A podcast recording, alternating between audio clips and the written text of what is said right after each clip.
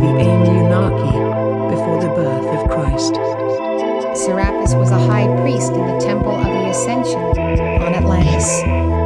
Bolsjevikfrimurarna behövde människooffer. I Sverige finns idag bara ett fåtal som håller på med elektronisk kommunikation med andra sidan.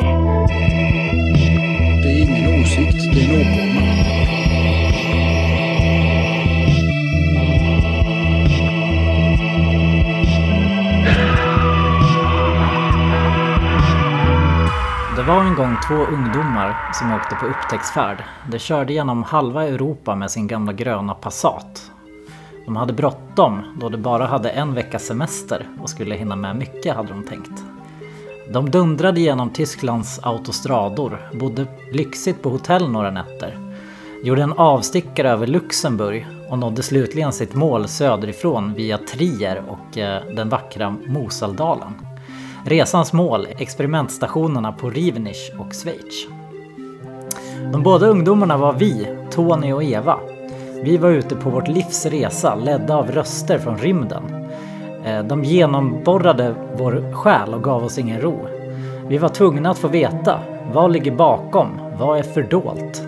Rösterna tränger igenom märg och ben, som är komna från gravens djup. Men där slutar likheten. Dessa röster vi hör kommer från en helt annan plats. De kommer från evighetens flod på andra sidan. Så säger de själva till de experimenterade. Vi sitter andäktigt runt bordet i Rivenish. Vi är med vid ett kontaktförsök med de döda. Det känns kusligt men spännande. Ska vi våga möta en död? Hur kommer vi att reagera? Malkoff och Homes anropar tryggt vid vår sida. De anropar Svejan Salter, teknikern, Konstantin Raudive, Friedrich Jürgensson, Set 3, Thomas, Bodelschwings, Werner von Braun, Elise Caroline Homes, Wilhelm Busch, Pappa Fritz. Och alla övriga medlemmar av Gruppcentral och Tidström vid kommunikationscentralen på andra sidan. Vänner, vi vore mycket tacksamma om ni kunde få igenom en kort kontakt till våra vänner från Sverige. Det är Malkoff som inleder kontaktförsöket. Vi stirrar fascinerat på Myrornas krig på TVn. Tony dokumenterar det hela på video. HMS anropar sina vänner från andra sidan med hypnotiskt beslöjad stämma. Det hörs tydliga knackningar i rummet. Vi sitter alla knäpptysta. Inte ett ljud hörs förutom dessa knackningar. Thomas, kan du meddela dig här i station Rivenish? Två tydliga knackningar ljuder som svar.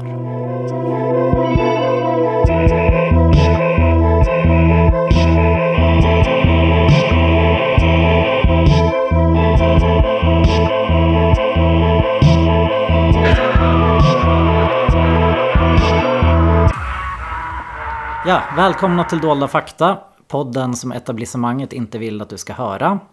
Jag heter Nordic Blenda och med mig så har jag Jag heter Dag Stålsjö.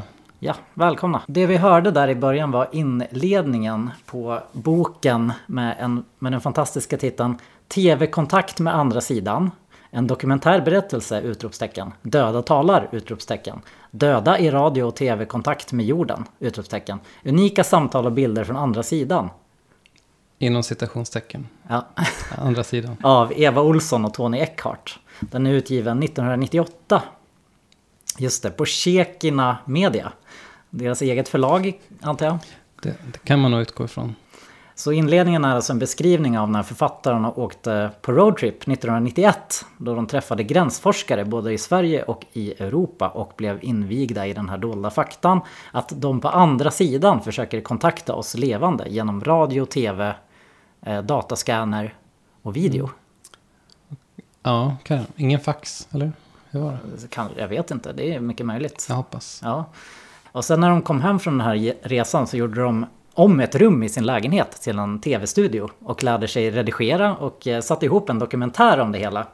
Som är bland det vackraste jag sett. Eh, Den finns på YouTube Mm. så vi länkar väl den. Ja, en väldigt vacker film. Mm. Ja, grafiken och musiken, allting är otroligt. Så det var duktigt. Eh, Mm, mycket bra jobb. Eh, 97 så fördjupade de den här och skrev boken då. Eh, Så eh, boken har lite mer innehåll än dokumentären. Men- Ja, den är strået vassare tycker jag.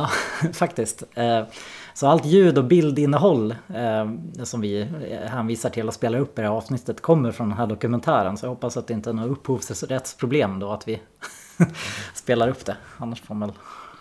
De får väl höra av sig. Ja, precis. Deras advokater får kontakta våra advokater. Exakt. De eh, skriver också att det ska visats bilder ur den här eh, dokumentären i svensk tv under 92. Ja, Fantastiskt det, att tänka sig. det hoppas vi på. Det har vi inte lyckats bekräfta än, tyvärr. Eh, Författarna är ju redan från början inte helt eh, liksom... De, de vet inte riktigt vad de ska tro om det här. Eh, Mm. Men att andra sidan ska kontakta oss levande med just radio och tv är väl inte konstigare än att de förr kontaktade genom, ja vad är det, vad heter det, psykograf? Mm. Som anden i glaset kanske? Ja, just det. Ja, eller knackningar. och- Knackningar och sånt ja. Eh, Författarna skriver i alla fall att eh, vi gör inga som helst anspråk på att kunna bevisa att det, det här är sant. Men vi vill tydligt deklarera att vi inte funnit någon som helst anledning att tro att alla de experimenterande vi själva träffat eller att alla andra experimenterade och gränsforskare runt om vår jord skulle ljuga.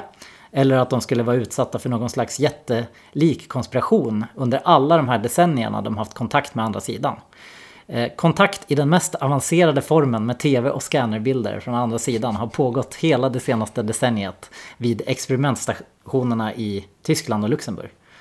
Ja, Mm. Wow så stämmer det här står vi i alla fall inför ett stort historiskt paradigmskifte där vi levande kan få både tips och hjälp av eh, de döda för hur vi ska leva. Bra att vi tar upp det här paradigmskiftet 22 år senare Mm. efter boken. Ja, Det var dags. det verkar inte ha hänt än riktigt, eller? Det kanske händer i Nej. fördolda. Ja, Eller så är det att folk har slutat använda radio. det kan tyvärr vara det också. Ja, Det är väl bara appar, appar nu för tiden. Ja, det, första frågan man ställer sig är ju om eh, de döda kontaktar oss genom internet nu. Då. Mm. Och hur i så fall. ja, det kanske blir framtida Ja, avsnitt. och det kan vi också tänka på när vi, när vi pratar om hur de här andarna kontaktar E- Eva och Tony och alla andra.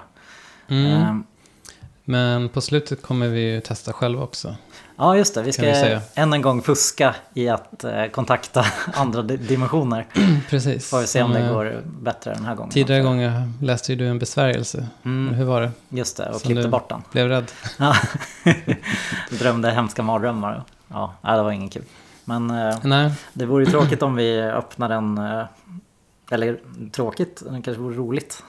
Om vi råkar Spännande öppna en port nog. till andra sidan nu. Som, ja, vi kommer, vi kommer försöka i alla fall på slutet. ja, precis.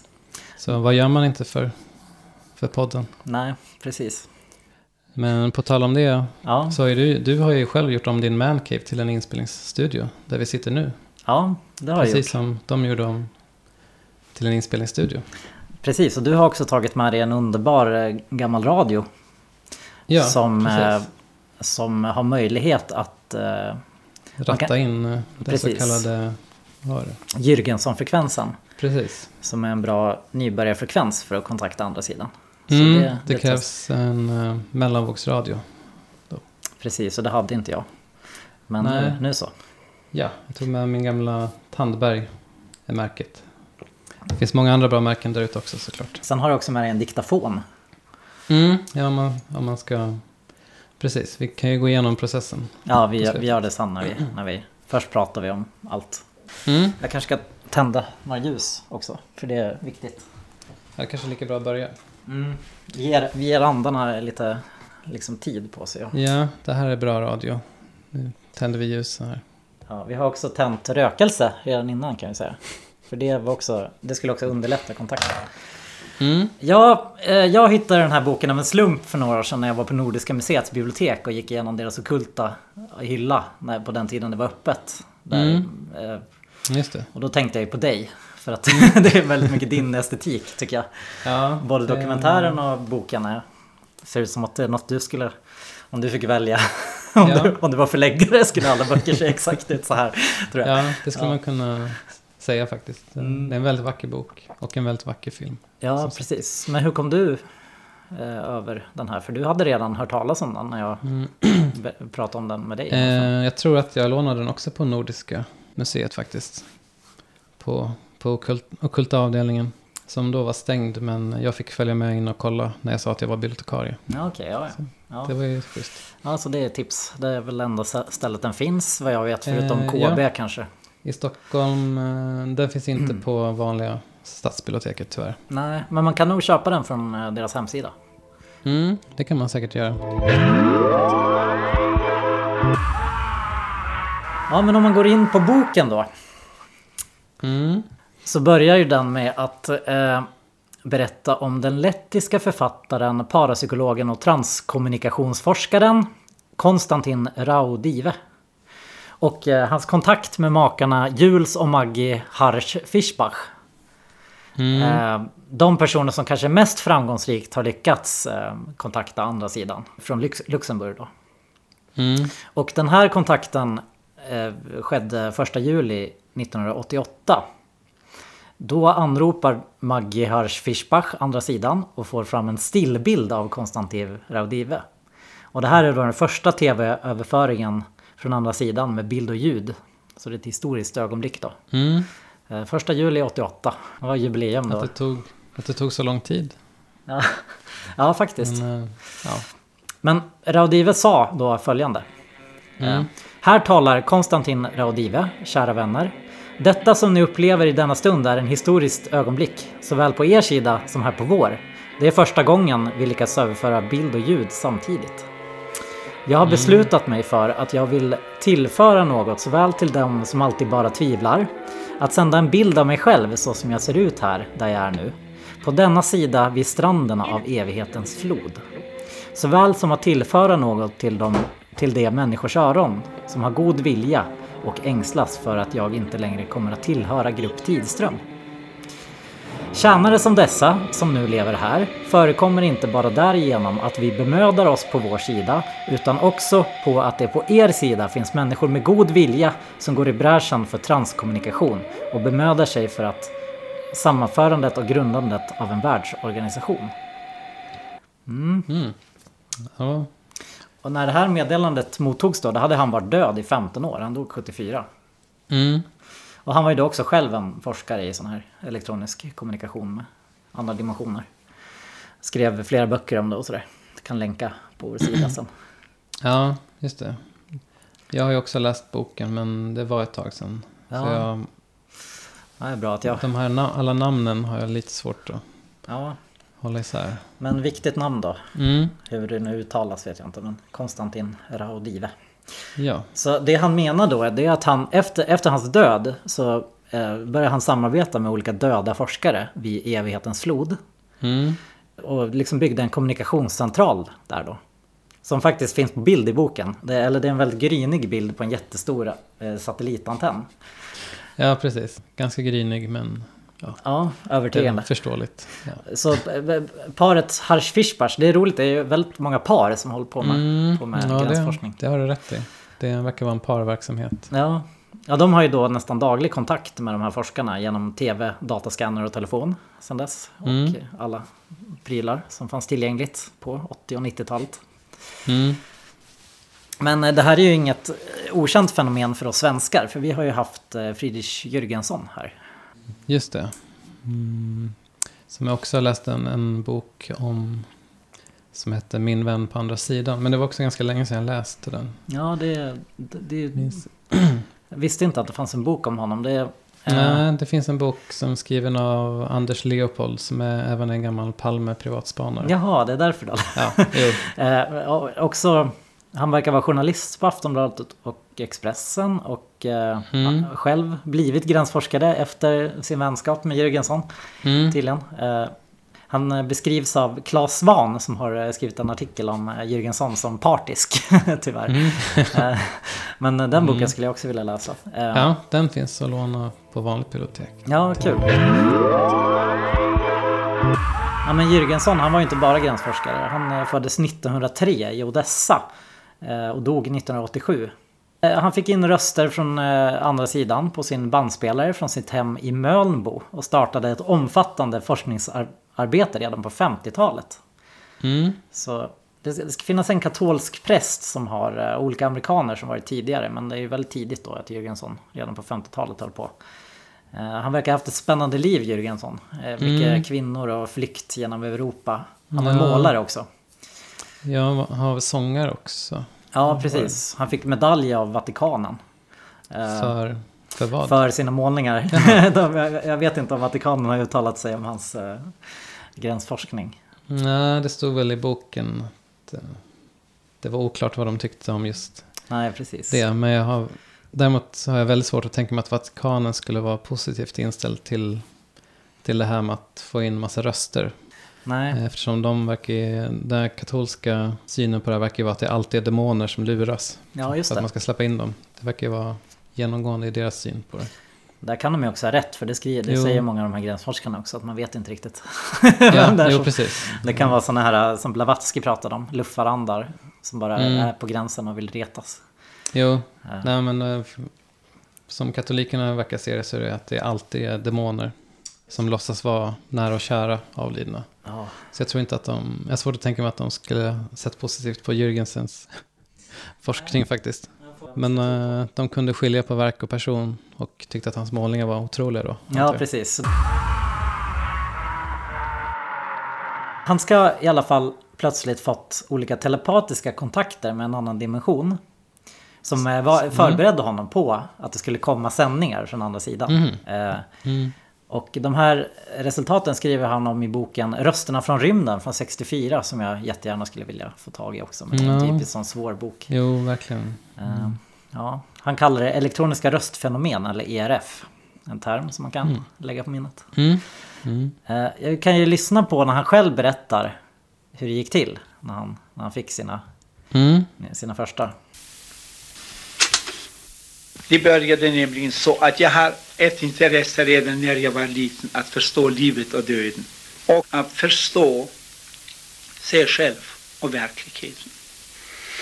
Det var omkring året 1957 som det började krångla på mina bandinspelningar därför att då var jag sångare. Jag sjöng, förstår du, och jag hade mina lektioner på min band ljudet försvann som något skruvde på volymen, rytmiskt. Det var något mycket underligt. Och när jag vill ta upp en bokfingssång, jag, jag älskar fågelsång, och då kom faktiskt in något mycket märkvärdigt. Samtidigt som bofinkens sång försvann kommer en brus i mikrofonen, alltså på bandet. Och man hörde en röst tala på norska om olika fåglar, nattfåglar som plaskade i vatten och så vidare.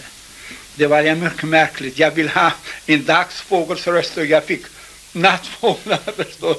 Hatar när det händer. När han får nattfåglar. Jürgensson förstod att bandspelare vid tekniska fel kan ta upp radiosändningar. Så han ringer upp Norges radio och fick då veta att programmet sänds för en vecka sedan och hade aldrig gått i repris. Ja, det var Tony Olsson där som förklarade. Han hade alltså, Eh, Tony Eckart menar du? ja Tony Eckhart. Tony där Olsson är väl han Alexandermördaren? det är sant. Ja men, ja det var ju lite... Han spelade alltså in ett norskt program som, in, som Mm. redan hade gått. ja, av misstag. Precis. Det- Programmet hade gått en vecka tidigare. Precis. Sen eh, fick han också in sin döda mamma lite senare. För han fortsatte såklart spela in. Och då hörde han sin döda mamma som sa Fridel, lilla Fridel, hör du mig? Det är mamma. Så det Du har kanske väl borstat, borstat tänderna ordentligt, sa mamman det. Ja, men efter det här så ägnade han sig helhjärtat åt gränsforskning då. Mm. Eh, Han flyttade till landet för att inte bli störd och blev totalt övertygad om det här att det var de dödas röster han fick in också. Och han, han höll en internationell presskonferens i, i sitt hem 1963 där också radio kom för att eh, se. Alla, alla var ju liksom övertygade om att det var en bluff så de skulle Mm. avslöja en bluff men tydligen så åkte alla tillbaka sen efter flera timmar och bad om ursäkt för att de hade tvivlat. Enligt den boken va? Eller, eller så var det... Eh, ja, det minns inte. Jag tror även det stod i den andra boken. Ja, någonstans jag läste. Men eh, det, var ju, var så. det var ju kaxigt att hålla en internationell presskonferens. Verkligen, från På landet. Det borde man göra oftare. Jo, Eh, kan vi se i framtiden. Claes Svahn skrev eh, förstås då en artikel som vi nämnde lite tidigare om pressens bevakning. Och då skrev han så här. eh, Mm. Jag vet inte vad jag ska tro, skrev Rune Moberg med sin vassa penna i tidningen C.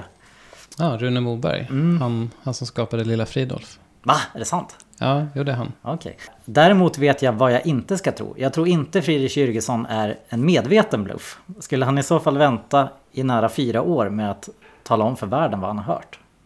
Sa Rune Moberg. Ja, Mhm. med sin vassa penna. Ja, Kan ju, man ju tolkas som, tolka som att det var inte Mm, helt det var väl kritiskt. ändå ganska sympatiskt skildrat. Ja. Ja, ja men precis. Eh, Ja, men vad kul att det var Rune Moberg. Ja, där. är det samma alltså? ja Tidningen det, det är han som skapar Lilla Fridolf också. Ja, okej. Ja. Som var så otroligt produktiv. Mm. Sägs att han satte en tapetrulle i skrivmaskinen som han bara kunde hamra på. Sen slapp byta papper. Ja, allt hänger ihop. Ja, absolut. Jürgensson dog 15 oktober 87. Men han har fortsatt sitt arbete på andra sidan, som tur är. Eh, Såklart. och haft kontakt med många andra eh, transkommunikationsforskare då. Till exempel sina vänner Cloud och Ellen Thorlin, ännu ett par i Eskilstuna. och också med Adolf Homes station i Rivenish. De här Thorlin-paret, de har spelat in tusentals röster sedan eh, 60-talet. Och också publi- publicerat en bok som heter De döda talar på band 72. Så Mm. om man vill ha ännu en sån bok så... Ja, den skulle man också vilja titta på. Precis. Eh, Ellen Thorlin, hon är medial. Så hon ska ha hö- hört en inre röst först säga kanal 4 på Jürgenssons eh, begravningsdag.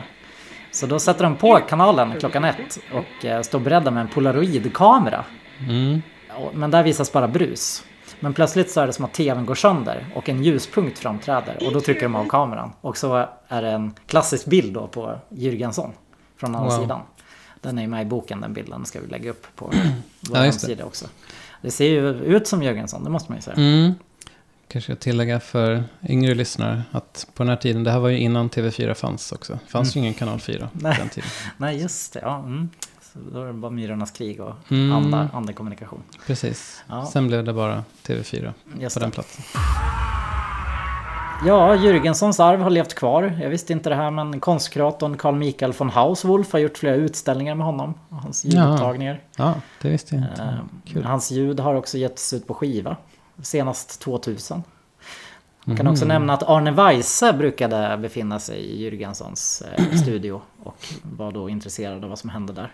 Så, Ja, just det. Det, det hade jag glömt. Eh, nej, men det här med Arne Weise, det, här- det hade jag läst. Det hade jag glömt, men det läste jag ju.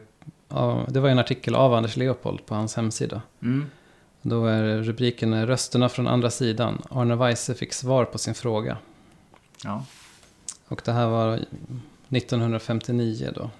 Och Arne Weise blev i alla fall väldigt rädd för att det var en röst som sa att det var, det var väldigt kallt i honom.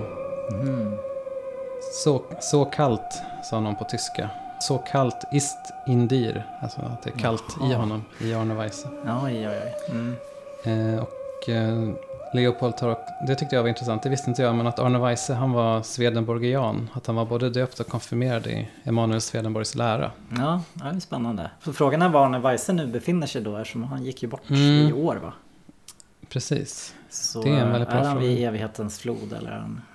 Ja, jag vet inte vad Swedenborg Förmodligen. menar.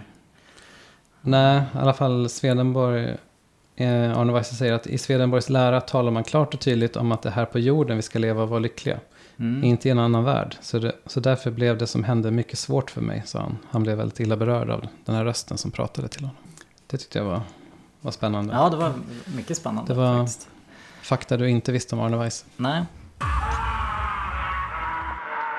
Om vi ska gå vidare till nästa par. Mm. Liss Werneroth och Ebbe Johansson. Författarna åker i boken till Vemmenhög i Skåne för att vara med i, vid ett kontaktförsök och träffa det här paret då.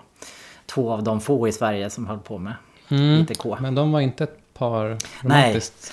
De var ett som. eh, vad heter det, arbetspar. Mm, Eh, precis. Så det här finns ju med i filmen, i dokumentären också. Det är väl det, den, det mötet man får se i dokumentären. precis. Det var väldigt... eh, ja, intressant. kan spela upp faktiskt hur Mm. det låter. Ja, Eh, absolut. de- Deras metod är att anropa rakt ut i luften och sen få svar antingen genom radio eller bandspelare som hela tiden spelar in. Eh, Så, så man får noga lyssna liksom efter, efterhand och tolka de ofta svårhörda budskapen. Mm, Och ibland det, har- det låter som en helt oproblematisk metod. Ibland har de också hört eh, röster i rummet. Men vi kan väl eh, lyssna lite på hur det låter. Ja, det Ja. tycker jag. Hör du mig här? Det döda. Hör du mig här? Det är döda kontakter. Hallå? Hör du mig här? Ja, det är döda kontakter band, ja, så är det. Ja, det är riktigt. Hallå? Hör du mig här? Ja. Det är döda kontakter band, ja.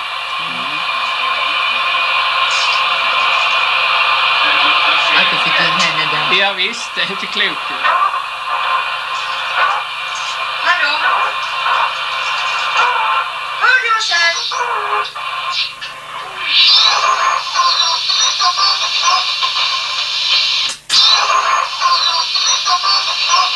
Du får rätta.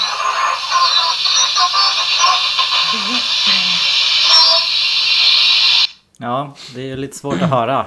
Ja, för nu... Ja, för en utomstående låter det ju mycket som rappakalja. Men nu ska man inte vara sån. Nej, det, man hör ju i alla fall tydligt att de säger de döda kontaktar band. Hör man det verkligen tydligt? Döda kontaktar band. Ja, absolut. Men eh, man kan ju undra varför rösten är så upppitchad. Men det kanske har att göra med sändningen från Mm. en annan dimension. Tid, Det- olika tids... Eh, liksom, tiden fungerar kanske olika. Ja, det låter väl ändå rimligt att det kan vara viss förvrängning när man sänder från evighetens flod. Ja, jag. precis. Det får man ge dem. Ja, men eh, Liz Werneroth började med, med det här eh, efter att ha hört en intervju med Jürgensson, 59, så också hon influerades av honom. 66 köpte hon en bandspelare och 74 besökte hon Jürgensson som berömde hennes röstinspelningar. Eh, Tillsammans gjorde de en provinspelning och då ropade en röst Lizzie, eh, vår eh, neue treue Freund, och välkomnade andarna henne. Och det är tyska och betyder vår nya trogna vän. Ja, Eller? Ja. Så, så är det. Sen eh, Jürgenssons svägerska krockade med en bil och dog och anropade då eh. Liz genom radion. Och I den här eh, inspelningen så skrattar och pratar hon i 15 minuter om att ha dött i kors. Vilket visar sig vara ett vägkorset då där hon var bilolyckan Mhm. hände. Även hennes hund kan höras eh, i bakgrunden. eh, hon Okej. skick, Liz skickar ju där till Jürgensson be- som bekräftar att det är hon. Så det är ju ja, Han otroligt. kanske kände igen hunden också. Mm. Otroligt. Ebbe, ja, Ebbe Johansson eh, han blev ju LIS-tekniker då efter eh, ha hört ett föredrag av Jürgensson. Mm. Eh, Och han använder en stor fartygsradio med pejlantenn. Det finns, eh, kan man se i dokumentären. Väldigt Mm, vacker. den var väldigt imponerande. Sådana apparater har ju tyvärr inte vi. Nej. Och det är ju, ja, fartygsradio det är ju lång eh, räckvidd, tänker jag. Ja, För att tydlig, tydligen när, han, när de gjorde sitt första kontaktförsök så fick de kontakt med självaste Marconi, alltså radions uppfinnare. Oj. Som berättade hur de bäst skulle justera radion och pejlan. ja. Så det var ju bra. Är att förväxla med Markoolio som uppfann hiphop på svenska. Ja. Ja, det är imponerande. Ja. Ja, vi kan lyssna på ett till exempel Mm. här från när de döda pratar med... Röst. Här här hör man ganska tydligt vad de säger. Jag kan se. Ja, jag kan se, säger hon. Jag kan se.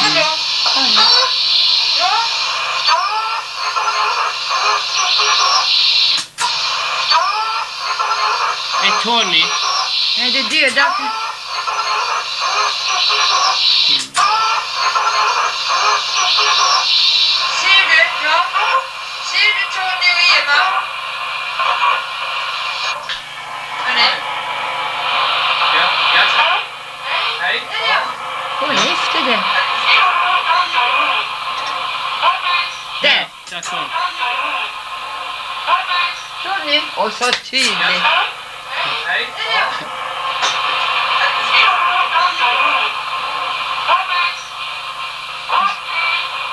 Vad sa jag mer?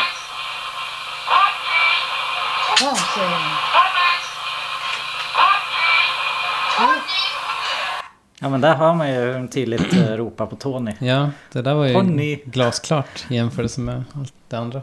Mm, den här anden brukar, verkar ju prata skånska. Mm, ja, finns ju folk till allt. Ja, kanske mer lättare att få kontakt. var det här Eva och Tony, det är författarna de anropar? Eva och Tony var ju i eh, Mm. och besökte dem. Ja, de- precis. ja, så de blir anropade då? Ja, eller vad heter? Ebbe säger väl eh, Eva och Tony är här eller någonting. Och då svarar han Mm. den. Tony. Tony? Tommys. Tony. Ja.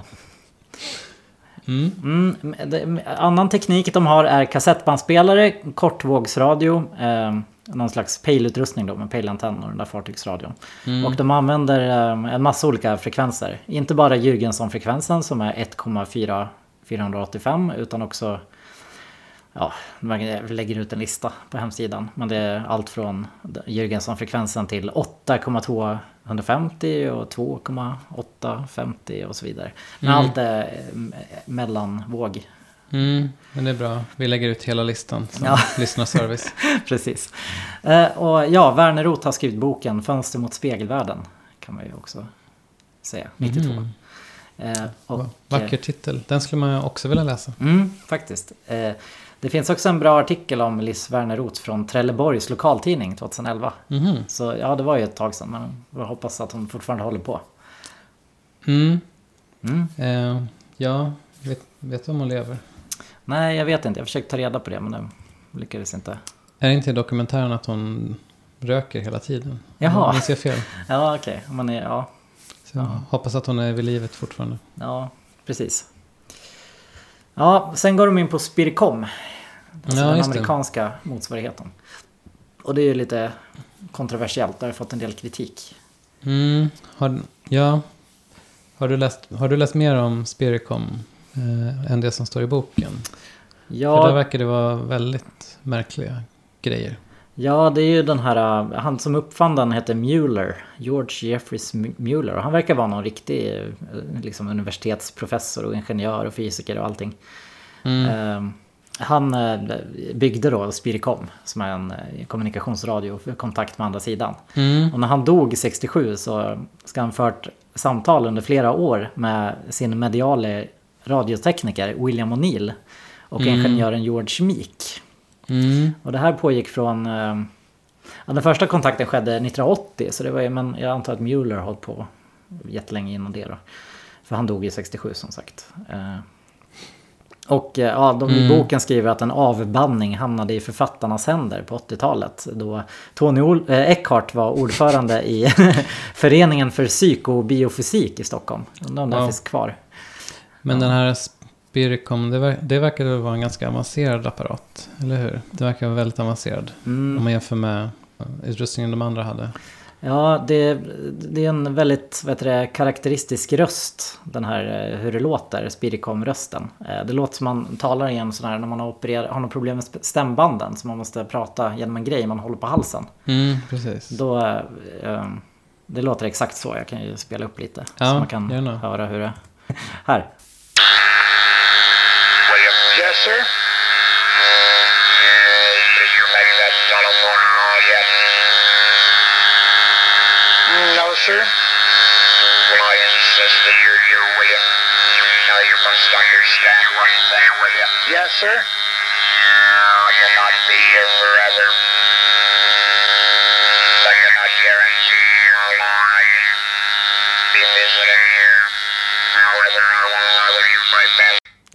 Svårt att höra där också. Och Mm. eh, många tror att det bara är William O'Neill som spelar in sig själv. Alltså att man bara pratar med sig själv med en sån där apparat. För att om man lyssnar noga kan man tydligen höra uttryck William O'Neill använder. Han säger till exempel oh boy, oh boy, oh boy väldigt mycket. Och det Mm. liksom hörs då i den, i den tonen kanske. Mhm. Och också, ja man, man hör liksom hur vissa ord faller över till. Eh, så det har han fått lite Ja, kritik där då. jag, vet att, jag minns att jag googlade lite på Spiricom när jag läste, läste den här boken. Men det var ju ett tag sedan. Men uh, minns ju tyvärr inte exakt vad. Men att, att det skulle varit att eh, han eh, som pratade med andevärlden. Att han var buktalare också. Mm. Och samt även psyksjuk. Ja. Det var väldigt märkliga. Men jag minns tyvärr inte exakt. Har du läst mer om det här? Nej, jag har bara läst lite om eh, liksom det här hur det skulle gå till för att Mm. han skulle fejka rösterna från andra sidan. Det är ju roliga samtal i alla fall Mueller och eh, O'Neill för. De är, kan ju, dels kan ju Mueller säga åt eh, William O'Neill göra olika tekniska lösningar för att det ska bli bra kommunikation typ. Men Mm. han pratar ju om allt möjligt också. Ibland blir han lite andlig och pratar om att han kommer inte vara där för evigt. Typ det, om tillståndet på andra sidan. Han eh, skämtar också om surkål och vad det kan göra med magen. Det är något eh, exempel där när han pratar om att han saknar kål tror jag. Ja, just det. Ska vi, ska vi dramatisera? då? Ja, men visst. Eh, här är det när de pratar om surkål. Ja, visst. Okej, då Ska är, ta- är du Mueller då. Eh, ja, ska jag börja här. Ja, Oh, underbart. Skicka mig några morötter. eh, vad sa du? Jag sa att kan du skicka mig några morötter? Några vadå? Några morötter? Morötter? Ja, William. Och ett fint salladshuvud. Eh, ett fint salladshuvud. Jag ska inte plantera tunnland, doktorn. Eh, va, vadå? Jag tror du talade samtidigt som jag. Jo, kanske sa det att om någon hade någon kål skulle jag vilja ha brynt kål. Oh, jag älskar brynt kål. Brynt kål? Ja, jag älskar surkål. Ja, vet du vad surkål kan göra? Ja, det vet jag. Eh, vet du, eh, doktorn? Jag trodde aldrig att eh, jag skulle uppleva den dagen när jag kunde, oh boy, tala till någon som dig på det sättet vi gör. Och om någon hade berättat för mig för tio år sedan att det här var möjligt skulle jag rekommendera att de skulle skickas till dårhuset. Ja, kanske du har rätt. Ja, ja han kanske hade rätt. Ja, om man nu hamnade på dårhuset. Så det här var ju, det var en intressant konversation. Ja, ändå. precis. Ehm, kul att de dödar humor också. Jo, Ja men eh, de, eh, Mueller hjälper William eh, att bygga det här Videocom också. Snyggt namn. Mhm. Spiricom, Videocom. Då, då upprättar man kontakt med tv-skärm då. ja, okej. Och det händer massa spännande saker. En barndomsvän William hade för 50 år sedan kontaktar honom och sådär. Det är liksom... Men eh, tyvärr så upphörde kontakten med Spiricom efter ett tag då. Men Mueller kom tillbaka våren 91 tydligen hos gränsforskare i Tyskland istället. Mhm. Så det är som att eh, själva centrumet för eh, kontakten hamnade i Tysklandstrakten. Eh, I hans sista samtal så meddelar han att han inte kan vara här för alltid men att han ska försöka återkomma. Att det finns en tid och plats för allt. Och det här fulla samtalet finns på Youtube. Vi kan, kan ju länka det också. Ja, kan man lyssna vidare. absolut. Det handlar inte bara om morötter och kål. Nej. kanske. Ja, det finns andra gränsforskare i världen. Man kan eh, välja, eh, nämna Marcello Bacchi och gruppen Grossetto från Italien. Började på 70-talet. Eh, sen då alla de här tyska, schweiziska, österrikiska grupperna har också hållit på ungefär där sedan 70-talet. Ja, det verkar vara väldigt mycket Centraleuropa. Verkligen. Just. Ra- Radio Luxemburg hade till en direktsändning med TK-forskarna Hans Otto König och Claes Schreiber som nådde två miljoner människor. Den hade man ju velat höra. Mm. Radio Luxemburg är inte så mycket på tapeten nu för tiden kanske. Det var Nej, väl det var väl otroligt hett. När var det? Typ 60, tidigt 60-tal? Eller? Ja, ja, men visst. Det är väl sånt 40-talister gillar att gagga om. Ja. När de rattar in Radio Luxemburg för att få höra popmusik eller vad är det? De, eh, författarna nämner också en stor internationell transkommunikationskongress 92 i São Paulo i Brasilien som hade temat Från psykograf till videocom. De döda väcker upp det levande. Mm. Eh, Och då var då också Maggi och Jules Harsch Fischbach eh, gäster. Mm, Okej. Varför hade de den i Brasilien? Hade det inte varit lättare att ha den i Tyskland? Ja, man kan Där undra alla det. bodde. Ja, precis. Men eh, Brasilien-Tyskland har ju Ja, en gammal koppling från Ja, andra Tänkte inte på det. Ja. De mest uppmärksammade gränsforskarna är då kanske Maggie och Jules Harsch Fischbach eh, och de kallar sin forskning för instrumentell transkommunikation eller ITK. De är inte tekniker själva utan de fick hålla på mycket för att försöka få rätt på tekniken men eh, med- hjälp av tips från andra sidan så blev det kanske den mest kraftfulla kommunikationen någonsin genom radio, tv, telefon, dator och eh, ja, tonbandsröster som de började med på 80-talet. Mhm. De började också med Jürgensson-metoden förresten. Mm. Och deras metod var att eh, tända ett ljus, läsa en bön högt. Sen vred hon långsamt frekvensratten mellan de olika frekvenserna. Eh, volymen hölls låg men stationernas olika program kunde urskiljas. Plötsligt tystnade musiken och röster blev tydbara. Och efter eh, den här fininställningen hade de sedan kommunikation då med teknikern och Svejen Saltar och andra Mhm. spännande andar.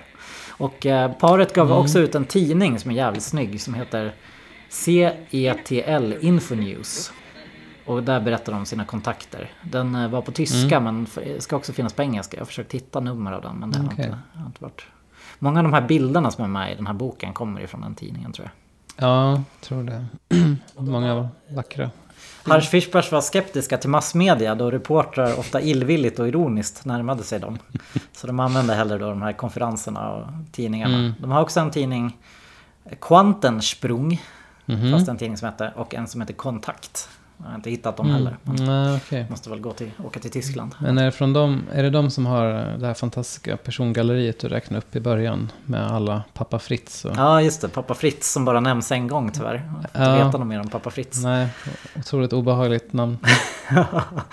ja, jo. Eh, ja, precis. Svejen Salter, Thomas. Ja, det är himla många häftiga namn där. Ja, sen eh, de har lite mer instruktioner. Vi kanske ska gå in på dem sen när vi ska... Mm. Det, men det är det här, gör pauser, bla bla bla. Spela inte in längre än 5-10 minuter så du orkar lyssna. Och tänk också på att kommunikationen med andra dimensioner kan vara psykiskt påfrestande. Både medialt och via elektronisk utrustning. Så labila personer börjar ju försöka med... För det är risk då att man tappar fotfästet i tillvaron som Arne Weise Mm. kanske gjorde då. Han Det var då han tappade det, Ja. 1959. Just det. Um, krävs seriös insats och stort tålamod. Uh, be kort bön innan och be om hjälp av en anhörig. Mm. Och så skriver de också varnar att det finns inte bara positiva väsen på andra sidan. Så tänk på eh, att allt inte behöver vara sanning. Utan de kan försöka luras. Och man måste själv vilja starkt för att det ska gå. Mm. Ja, ja men vi, vi får se om någon av oss tappar det. Ja, precis. Sen skriver också författarna att hur vet man då att man inte bara får in fragment från sändning, radiosändningar? Mm. Det är en bra fråga. Det är en väldigt bra fråga faktiskt. Det, svaret är att det vet man inte, tyvärr. Nej. Nej. Typiskt. Ja. Men de har ju hört röster rakt ut i rummet och sådär också som inte kom från radion. Mm. Så det är ja. Ja, och de var psykiskt stabila. Mm, precis. Och sen om de låter sådär som, du vet de här, det låter lite som en papegoja i Mm. falsett. Då vet man ju då att den är från andra sidan kanske. Ja, i och för sig. Eh, De ger också personliga hänvisningar och kommentarer och de anpassar språket till, eh, till oss, de som anropar. Så det är ju, Mhm. ja. Och de säger ju också själva att de är från evighetens flod. Och så. Ja, ja, ja. Mm. Jo.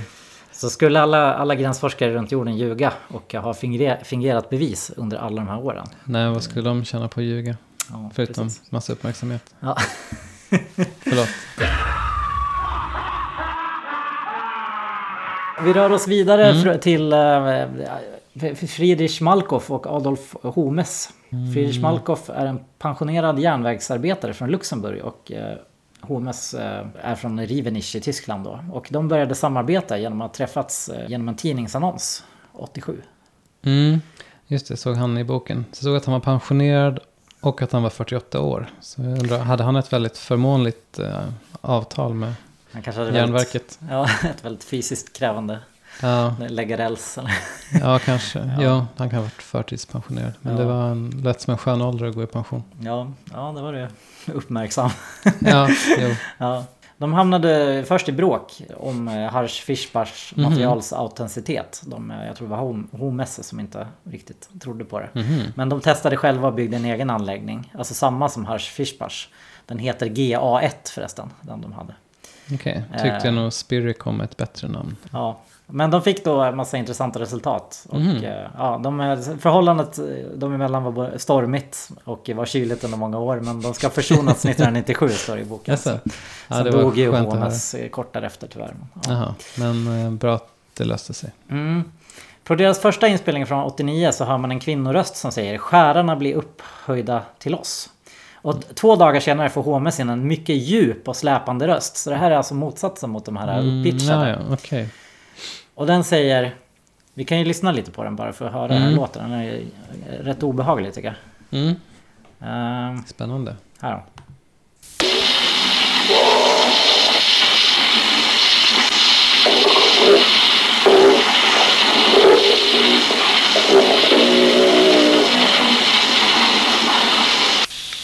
Der Thomas sagt hier weiter, solange ihr diese große Aussteuerung habt, werden wir uns für die Transkommunikation einsetzen.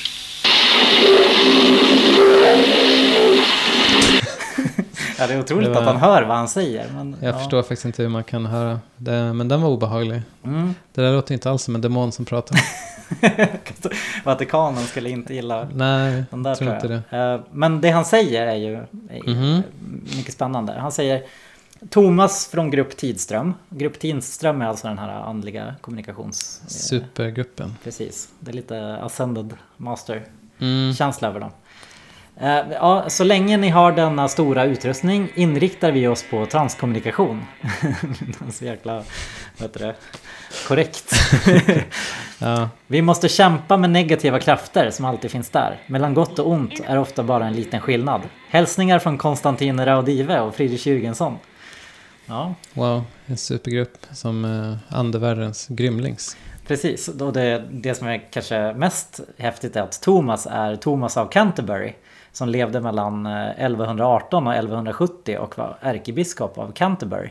Wow, Tänk om det är att man, om man varit död länge så får man väldigt mörk, mörk röst. Ja, det låter i sig rimligt. Tänk att han har lärt sig radio också då. Ja, faktiskt. Man har mycket tid där å andra sidan. Ja, jo, tiden fungerar ju inte som tydligen som på vår sida. Nej, precis. Eh, Men han är alltså, numera är han huvudtalare för en grupp som kallar sig Central. Jag vet inte vad Mhm. tidström och central, vad som är De skillnaden. kanske splittrades efter kreativa meningsskiljaktigheter. Ja, precis. Den 28 februari 89 får de kontakt med Svejan Saltar. Det är lite min favorit. Mm, jag tror det är min favorit Ande. också. Det var alltså en vetenskapskvinna i en parallellvärld som heter Varid. Ja. Varid. Varid. Det tyckte jag var fantasieggande. Mm. Hon dog i en olycka 87 i den här parallellvärlden. Mm. Och eh, hon har också haft kontakt med Harsh Fischbach eh, sen september, december 87. Mm. Eh, I början när de kontaktade henne då gick det så här proppar i lägenheter och datorer havererade. Och eh, Svejen Saltar sa då att det var för att hon höll på att st- justera energierna. Så det har ju varit lite Mhm. meck här att komma, Mm. Få till en bra kommunikation. Och hon lyckas till slut också inte bara skicka ljud utan bild på sig själv. Mhm.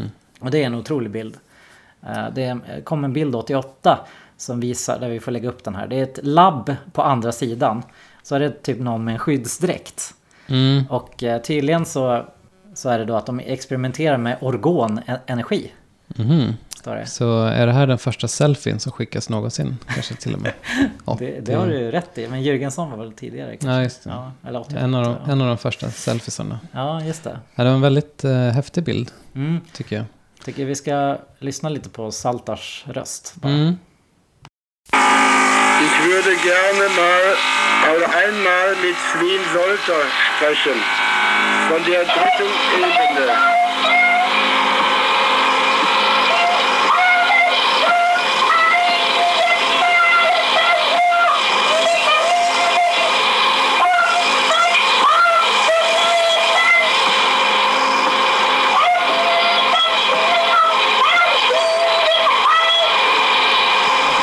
Ja, förlåt. Det, Ja. låter ju, det låter ju lustigt. Men det är ju bara för att eh, det Jo, kan ju vara det där med Jag tror jag, och- jag tror jag föredrar den här demonrösten faktiskt. ja, den har lite mer akti- auktoritet. Jo, men eh, är det så här de lät på henne? Hon kommer ju från en annan parallell Det- verklighet. så Det, kan det kanske är en helt normal röst där. Mm. Det vet vi inte. Nej men eh, jag tyckte det var väldigt roligt det här med det här lilla sid. Bara att de nämner att de håller på att jobba med orgonenergi på andra Ja, just det, sidan. det. För det är väl något du har Ja. snöat in lite på. Eller det är vår kompis Olle som har pratat om han, vad heter han, William Reich, psykoanalytikern och mystikern. Som höll på med, byggde, byggde den här orgonackumulatorn. Som är någon slags rum som riktar orgonenergi mot den. Mm. Som sen också gör att man får fantastisk orgasm. Mhm. Och sen möjligtvis också använder orgasmen Ja, jag vet inte, det handlar väl om energi, positiv energi på något vis. Jag tror Okej. också organ är någon form av beståndsdel i hur allt, hela verkligheten är uppbyggd. Mhm. Det är också, organ är också känt från Kate Bush. Ja, just det, det sa du. Ja, hon gjorde en video till låten Cloudbusting. Mm. Cloudbuster det är alltså en maskin som kan kontrollera vädret. Som William Reich och hans son höll på med. Mhm. Det är väldigt roligt i den videon för att eh, Kate Bush spelar typ William Reichs son Peter Reich. Och hon har en, Okej. visar en sekvens, en bok av Peter Reich. Mhm. Eh, och eh, pappan som då jag antar är William Reich spelas av Donald Sutherland i den videon. Mhm. Och videon går ut på att de har en sån här stor härlig apparat som de ändrar vädret med. Och Wow. sen kommer typ regeringen och fängslar och tar William Reich och åker med honom i en svart bil. Självklart. Hur skulle det kunna sluta på något Ja, annat men jag sätt? visste inte att Kate Bush liksom var... Det här var en video, Mm, det här var ju. MTVs början. Och tydligen eh, Mm. ville inte MTV visa den här videon. Så den såg lite konstig och... Locket på. Ver- Verkligen. Ja, Ja. spännande. Det var, det var jättelänge sedan jag såg den videon. ja, nej, bra. Bra Men- låt och video. Men sa inte du också att det var... Var det Terry Gilliam som hade designat den här maskinen? Eller? Det stämmer, det var Terry Gilliam. Så det är en sån eh, fantastisk Terry Gilliam design Otroligt. på den. Ja. Det, var ju, det här var ju trendigt i Mm. slutet av 60-talet, Reich och allt det där. Men Kate Bush Mm. hade lågan vid liv då. Ja, nej, just det här med organ. Jag vet att det dök upp någon gång när jag läste William Burroughs för typ 20 år sedan. Mm. Då han skrev om det i något sammanhang och då försökte jag slå upp vad det var. Men det var typ, det var omöjligt att hitta något vettigt. Och jag förstod inte vad det handlade om. Nej, okej. Ja, eh, det, det har blivit aktuellt igen i alla fall. För om man googlar lite så kan man se att Mm. våren 2016 så skickar polisen ett bombteam till Skutskärsmasten i norra Uppsala. Ja, på grund av ett misstänkt föremål där. Just det, man trodde att det var en bomb, eller hur var det? Man trodde det var en bomb, men vi- det visade sig att det var en småbarnspappa i 40-årsåldern som lagt ut en organitkristall. Eh, För att, citat, Mest för att kolla, kommer någon att ta bort den därifrån? Finns det ett intresse av att masten ska producera dålig energi? Men jag trodde ju inte att det var Stockholms bombgrupp som skulle ta bort den. Så han fick eh, vatten på sin kvarn där. Det blev precis som i Kate Bushs video. Ja, precis. Blev han Ja. bortförd i en svart bil sen. Ja, men Aftonbladet skriver att organiter placerar han ut i hundratal runt master i Gävleområdet och Uppsala där då, Mhm. För att omvandla den negativa energin till positiv. Eh, han anser också att organiter kan oskadliggöra chemtrails. Mhm. Eh, ja.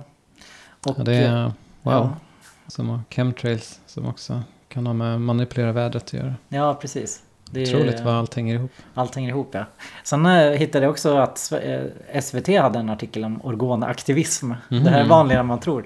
En anonym kvinna som erkänner att hon eh, också placerar ut orgoniter på mobilmastar. Mhm. Och eh, allt det här ledde mig till en sida som heter organitshop.se med massa info hur man bäst utstänger negativ energi och strålning från mobilmaster och dataskärmar och så vidare. Mm. Eh, där står det faktiskt att man kan köpa de här eh, organitkristallerna. Eh, Så står det placera åtminstone en organit så nära du kan varje mobilmast som du hittar inom 5 km avstånd från din bostad. Det ger bäst effekt att omvandla negativ energi så nära källan som möjligt. Har du högspänningsledningar eller ställverk i närheten så kan du placera två, tre orgoniter alldeles under intill dem. Observera att orgonit inte försämrar funktionen hos utrustningen Mhm. eh, som den placeras vid. Endast kvaliteten hos den emitterade energin förbättras. Orgoniter används framförallt på ställen där skadliga energifält kan lokaliseras. Till exempel nära kraftledningar, mobilmaster, strålkällor som wifi, routrar, husets säkringsskåp med mera. Kan placeras i sovrummet om man plågas av störd sömn. I Mhm. växthus, djurstallar och så vidare. Ja men då... Jag har ju alltid svårt att sova. Wow. Är det därför ditt rum är fullt av kristaller nu? Som jag ser runt omkring oss. Ja, nej men om man, eh, om man eh, funderar på vad man ska köpa till mig i julklapp så Mm. kan man ju alltid Ett- köpa en organ. Ett tips till våra lyssnare då. Skicka era organitkristaller till, till dig. Det låter som en guldgruva det här att sälja sånt här.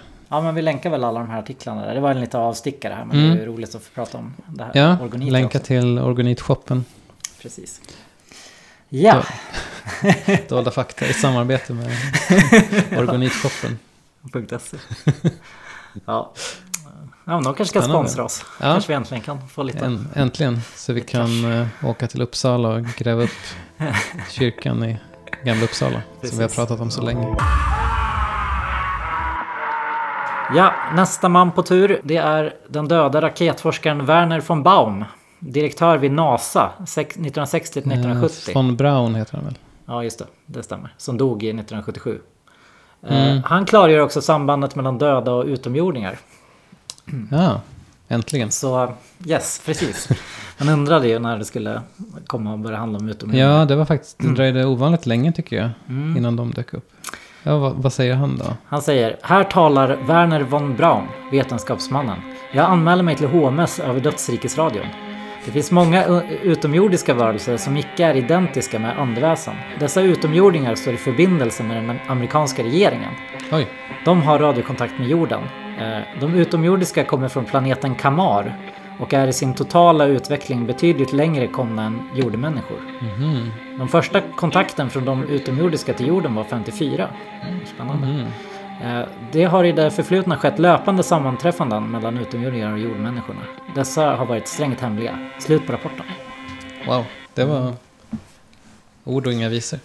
Eva Olsson och Tony Eckhart är som tur är inte helt främmande för det här. Ja, just Eh, det. De har ju skrivit en bok om ufon också. Precis, som heter Närkontakt med UFO, som inte jag har läst. Nej, den har jag hemma. Ja, vad I kul. min bokhylla. Bland alla andra böcker som jag inte har läst. Nej, Men, eh, då får vi läsa den kanske till Ja. någon annan gång.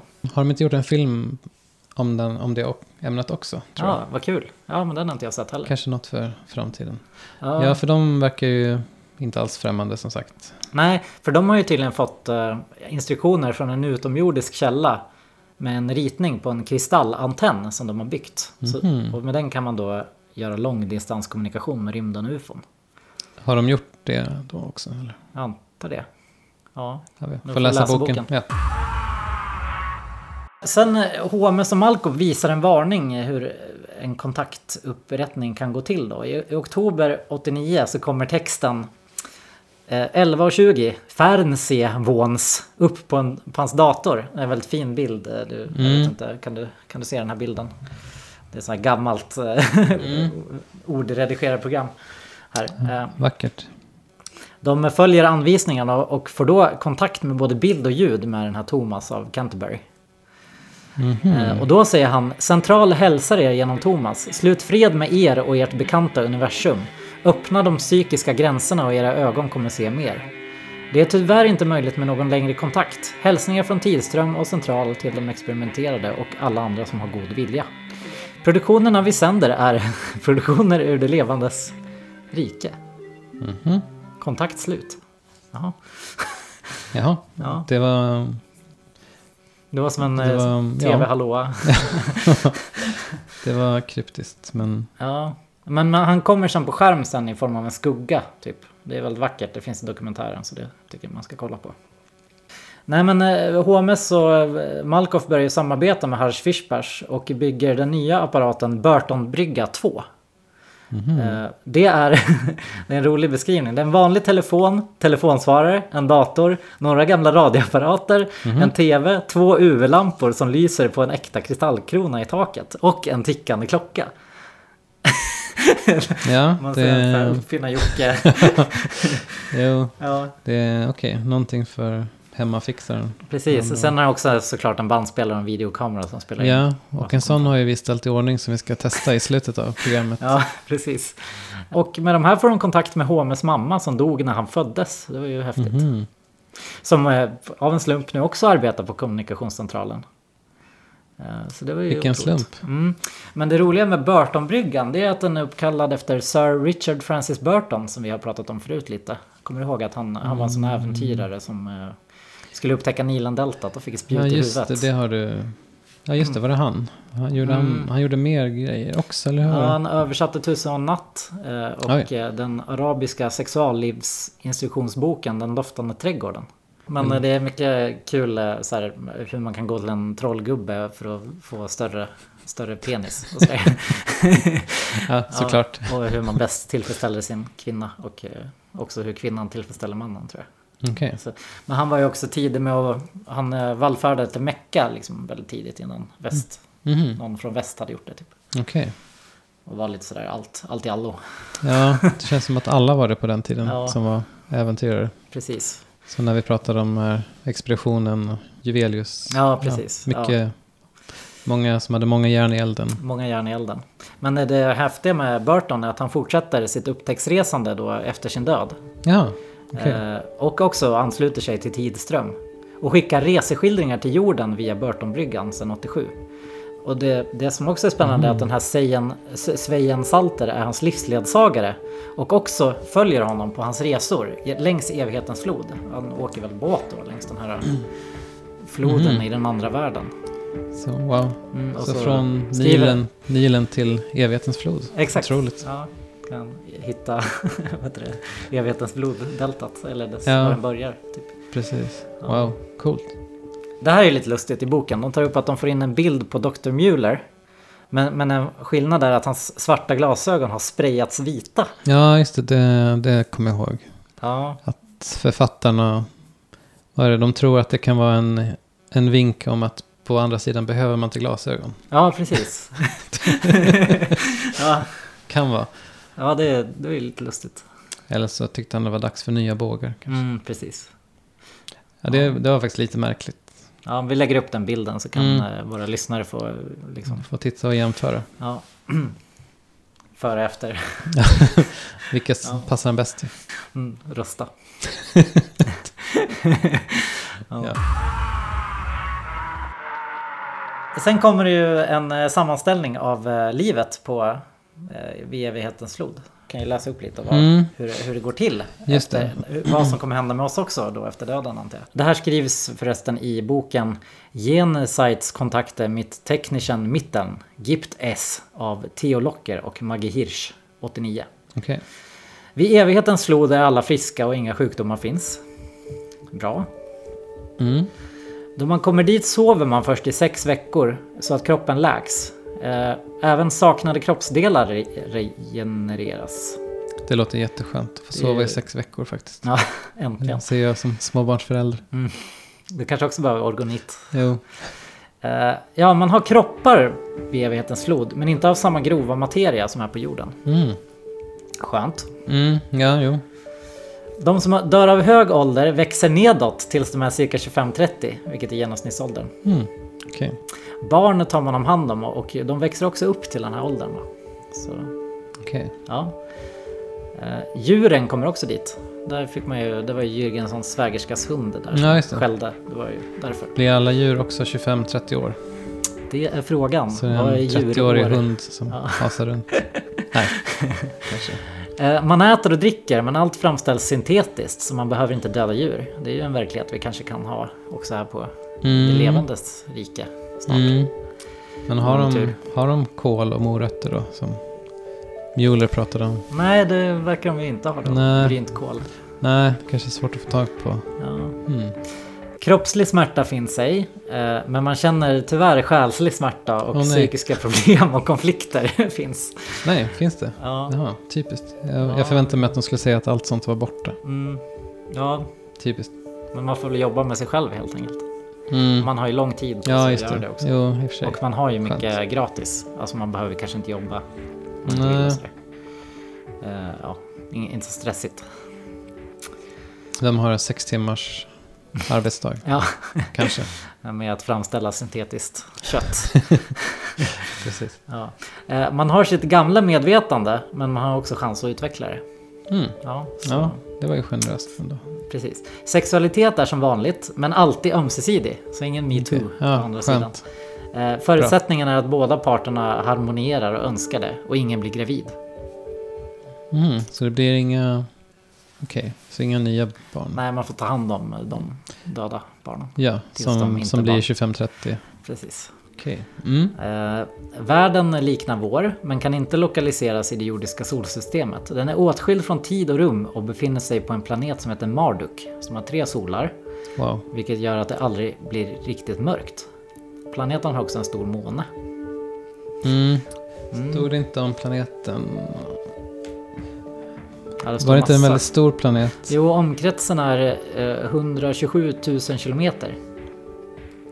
Precis. Och det är ju, är inte det Vad är jordens omkrets? är inte det typ Vågar 40 000 kilometer? Ja, det går in flera jordar då. Så det är typ tre gånger så stor då, eller? Ja, men det är väl bra eftersom alla som dött och inte bara från jorden Mm. utan från alla andra parallella verkligheter verkar komma dit. Mm.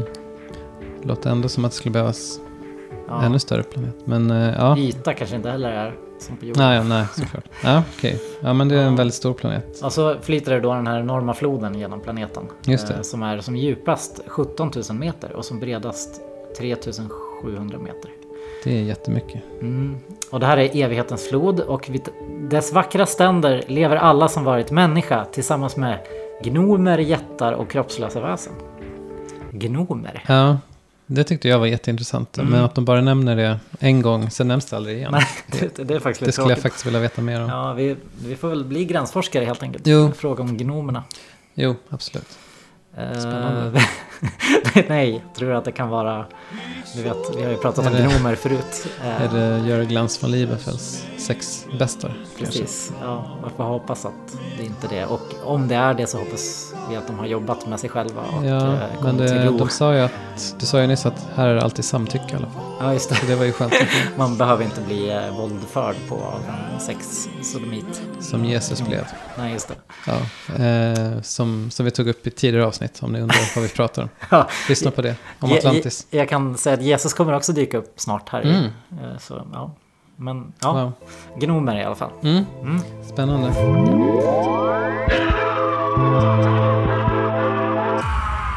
Ja, omkring 60 miljoner humanoider från olika världar lever sida vid sida. Eh, Människorna samlas tillsammans men lever mycket olika. Vissa sitter vid lägereldar som de är vana vid. Andra bor modernt och möblerat och sysslar med teknik. Mhm. 60 miljoner var inte så mycket ändå.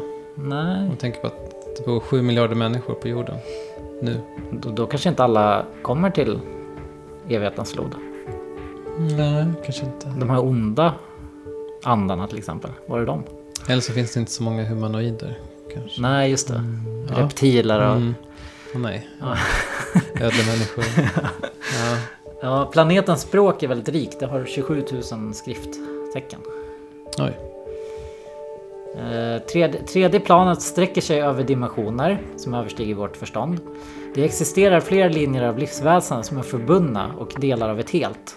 Från människans linje närmar sig många högre medvetandeplan och det fjärde planet. Då är man höjd över reinkarnationscykeln. Jaha, men då kanske många kommer tillbaka och re reinkarneras. Så då kanske det inte Mm. behöver vara mer än 60 miljoner. För Jag att alla förstod. ska ju befolka alla världar. Förstod tyvärr ingenting av det där. Tredje planet. Tredje planet tror jag är evighetens flod. Fjärde Okej. planet är ett hö högre plan. Vilka är de två första planen? Eller är tredje planet kanske någonting som man själv själsligt befinner sig på? Mm. Tredje planet kanske man kommer till när man dör. Ja, nej, jag, jag förstod tyvärr ingenting av det där. Men kul att du fick en aha-upplevelse. ja, man tänker de lägre planen då, är det de som får jobba i fabriker och framställa syntetiskt Ja, kanske. mat? Ja, Korn och just det. soja, anammafärs. De får också kontakt med ett annat högre väsen som heter Z3. Otroligt ja, vacker ja, bild. Väldigt har du- coolt namn också. Ja, den har jag sett. Ja, ser ut lite som de här Ser väl ut som det Eh, brukar. Ja, men de här ängla, Ja. ängel, eh, nordiska, vad heter plejad, vad heter Mm. de? Eh, Sådana här snygga utomjordingar. Just det, sånt som du var inne på Ja, ett tag. Som jag Väldigt skulle göra ett avsnitt om, men ja, det får väl komma. Det, det står att alltså högre väsen som sett eller tekniken. Jag är jävligt nyfiken på tekniken. Mm, verkligen. Det är ett väldigt bra namn. Mm. Ständigt inblandade i kommunikationsförsöken. Men det finns också negativa grupper som vill störa kommunikationen. Mhm. Och det förs en ständig kamp mellan mörker och ljus. Så frågan är var de här negativa grupperna befinner sig. Mm. Så jag tänkte vi skulle lyssna lite på när Seth talar. Ja, gärna. Tyvärr pratar han också med en väldigt rolig röst. Ja, typiskt. Uh, Seth, här har vi den. Här hör ni Seth tala i en mycket tidig radiokontakt med Rivenish från den 9 mars 1989.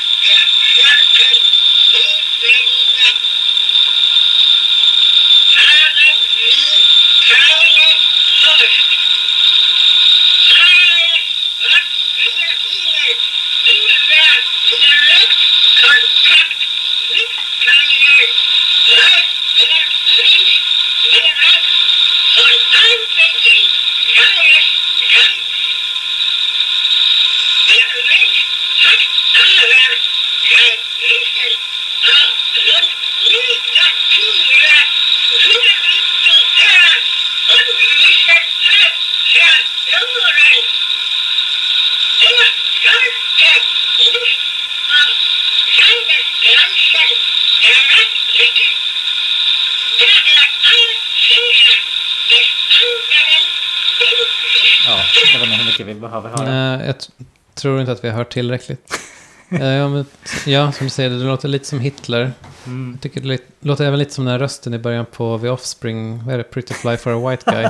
Det är någon som säger något. Kan Ja, klippa just in, det. Mm, jag klipper in den. klippa in den här. Så kontakt med Paracelsus som vi ju Mhm. alltid återkommer till. Och den gamla alkemisten. Ja, ständigt Så, aktuell. Mm, det är kul att det alltid i sådana här, såna här sammanhang med folk som tror på andra dimensioner så är det väldigt ofta samma människor som Mm. Det är Paracelsus, det är Richard Burton, det är, Mm. ja, det är vad heter de? Någon Ascended Master kanske? Ja. Mm. Och Jesus då. Mhm. Den här Paracelsus, han säger, ja, eller Paracelsus berättar för Maggie och eh, ja, Harsh Harsh Fischbach. Fischbach. Att han i sällskap med Svejan Salter och teknikern besökt Pescator som Mm. övervakar och understödjer kommunikationen och samarbetet med människorna. Pescator går också under namnet Mhm. Sananda eh, om kommunikationen sker medialt. Och det här är ju känt från eh, New Age och Ja, också Sanden Master eh, tro och Plejaderna och Atlantis. Och det är också... Oj, oj. Håll i- håll i hatten. Ja, det är också Jesus galaktiska namn. Jaha. Det finns ju någon, eh, det finns någon sån här teosof som är ganska, alltså har någon väldigt avancerad beskrivning av de Ascended Masters och deras namn och typ så här, ja men Sananda är kapten för UFO-skvadron nummer fem och sådär. oj. Alltså det är jätte, ja, det där måste jag sätta mig in mer i. Men, Ja. men det är alltså samma som Jesus, eh, Sananda och Pescator. Okej. Ja, Så det- Pescator. Det känner jag igen men jag vet inte varifrån. Nej, jag kommer inte ihåg heller. Jag tror att jag kollade upp det men sen glömde jag bort det. Men, ja. Fisherman. Just det. Betyder det fiskare? Eller? det. För Jesus. Jesus var ju fiskare. Mm. Pescatore Fishing Line. Pescatore Vesuvio. Ja men det det betyder kanske fiskare bara. Det är mycket möjligt. Så man förstår att Jesus, Jesus. har valt det aliaset. Ja, han kallades väl för fiskare. Att han var, fast han fiskade människor. Fiskare själar. Eller lärjungar kanske. Ja. Ja. Nej men visst. Ja men Pescator i alla fall. Dyker upp också här. Ja. Jesus Mm. alltså. Jag önskar att vi hade läst på mer bättre där. Men jag känner också igen det från Mm. något annat sammanhang. Ashtari hör också ihop med det. Det är också någon sån new age grej. Han, eh, Pescator var tydligen en av de goda magikerna på Atlantis. Det har vi pratat om att det Mhm. var en ond eh, var- Jesus-tvilling som stod i Sydamerika och trollade. Ja, det finns ju olika skolor kring det där. Ja. De onda Atlantis-magikerna Mm. pratade vi om i Atlantis-avsnittet. Just det. Där var det även såklart som det alltid är sex bästa. Just det. Mm. Alltid. Ja. ja, allt hänger ihop. Ja. Ja. Ha- Hata slumpen, som, som du brukar säga. Ja, precis. Sen eh, kommer skyddsanden Jan också och kommunicerar med Holmes. Han säger mest nej en massa gånger. Och sen säger han ordet jonenergi. Eh, och nimb som betyder strålglans. Nej, nej, nej, nej, nej, jonenergi, nimb. Okej, Jag vet inte vad han har, om han är upp, om han har hög röst eller låg röst. Vi kan väl gissa att han låter som en smurf han också. Ja, han säger i alla fall att han kommer i framtiden kontakta HMS genom hans sinnesorgan istället. Så att Mhm. går han in i... Sen... eh, Hur Sve- gick det med det? Vet du det? Nej, det vet jag Nej, inte. okej. Det, Nej. ja. Svejan Salter berättar ju väldigt vackert om hur det är på andra sidan. Eh, Mm. I ett brev som togs emot på, på den här tidningen CETLs PC-dator i Luxemburg 91. Det finns en fin bild på det också faktiskt. Mhm. Det var så här text som utan mellanslag. Lite som en stream of consciousness. Såklart. Eh, J- James Joyce. Mhm. Jag kan ju lyssna på när Eva Olsson läser upp ett Ja, utdrag. Gärna. Ja. För det, här minns, det här minns inte jag faktiskt. Nej, det är vackert. Auf einmal mit Sven Solter sprechen. Von der dritten Ebene. Det, det är lugnt, det kommer en översättning. Ja, tack. Skönt att höra.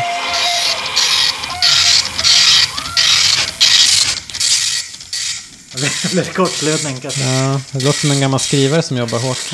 Matrisskrivare. Många gånger när jag som nu Ja, sitter tack. här vid fönstret och ser ut över floddalen och iakttar vad som händer runt omkring är det svårt att minnas att jag en gång har levt på en annan planet och i en annan dimension. Det är natt och dimman hänger över floden men stjärnornas ljus räcker till så jag kan se ganska långt. Snart kommer klippkanten att färgas rosa och himlavalvet däröver att bli blått. Men det dröjer ännu en stund tills solarna lyser upp hela dalen.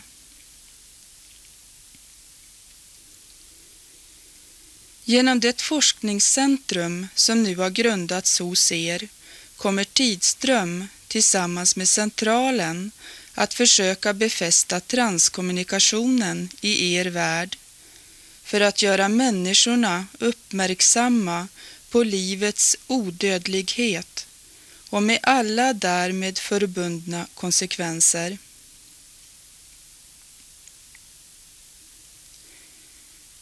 Jag slutar denna överföring med hälsning från evighetens flod.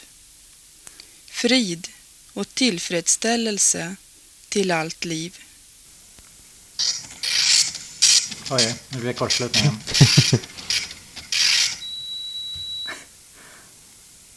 ja. Vackert. Ja, just det. Jo, brevet är med, med i boken här också. Mm, du hittade något bra där? Beskriver, ja, det var bara... Ja, här beskriver hon landskapet. Överallt på stränderna är människor som befolkar slätterna. Eller som har dragit sig tillbaka till kullarna. Varje område visar i regel på en, cir- på en cirka 60-procentigt homogen befolkningsstruktur vad beträffar nationalitet och härkomst från en bestämd tidsepok. De andra 30 procenten tillhör antingen andra folk eller är från andra tidsepoker. Parentes. Vilka de resterande 10 procenten är framgår ej. Vår kommentar, alltså författarnas kommentar. Mhm. Okej. Ja, det var slarvigt. Ja, just det. Jaha, så man, man samlas med folk från samma områden och kanske yrken och sådär då? Mm. Också, och tidsepoker var det va? Mm. Men det är 10 procent som man inte Just det. vet vilka de är. Ja, det är de negativa influenserna kanske. Ja, kanske. Eh, Men det låter ju väldigt vackert där borta. Eh, När man kollar ut på Mm. novembernatten så känner man ju nästan att man hellre skulle vara död. Ja, det får stå Ibland. för dig. Nej, jag skriver under på det också. Ja. Faktiskt. Ja. Ja, men är också intressant att brevet avslutas Svejen Salter eh, 13 februari 91. Mm. Att hon har ett exakt datum fast tiden inte Nej, upplevs på Ja, samma det- sätt på andra sidan. det är spännande. Mm. Men jag tror det kommer bli lite förklaring till det där senare i boken Mhm. faktiskt.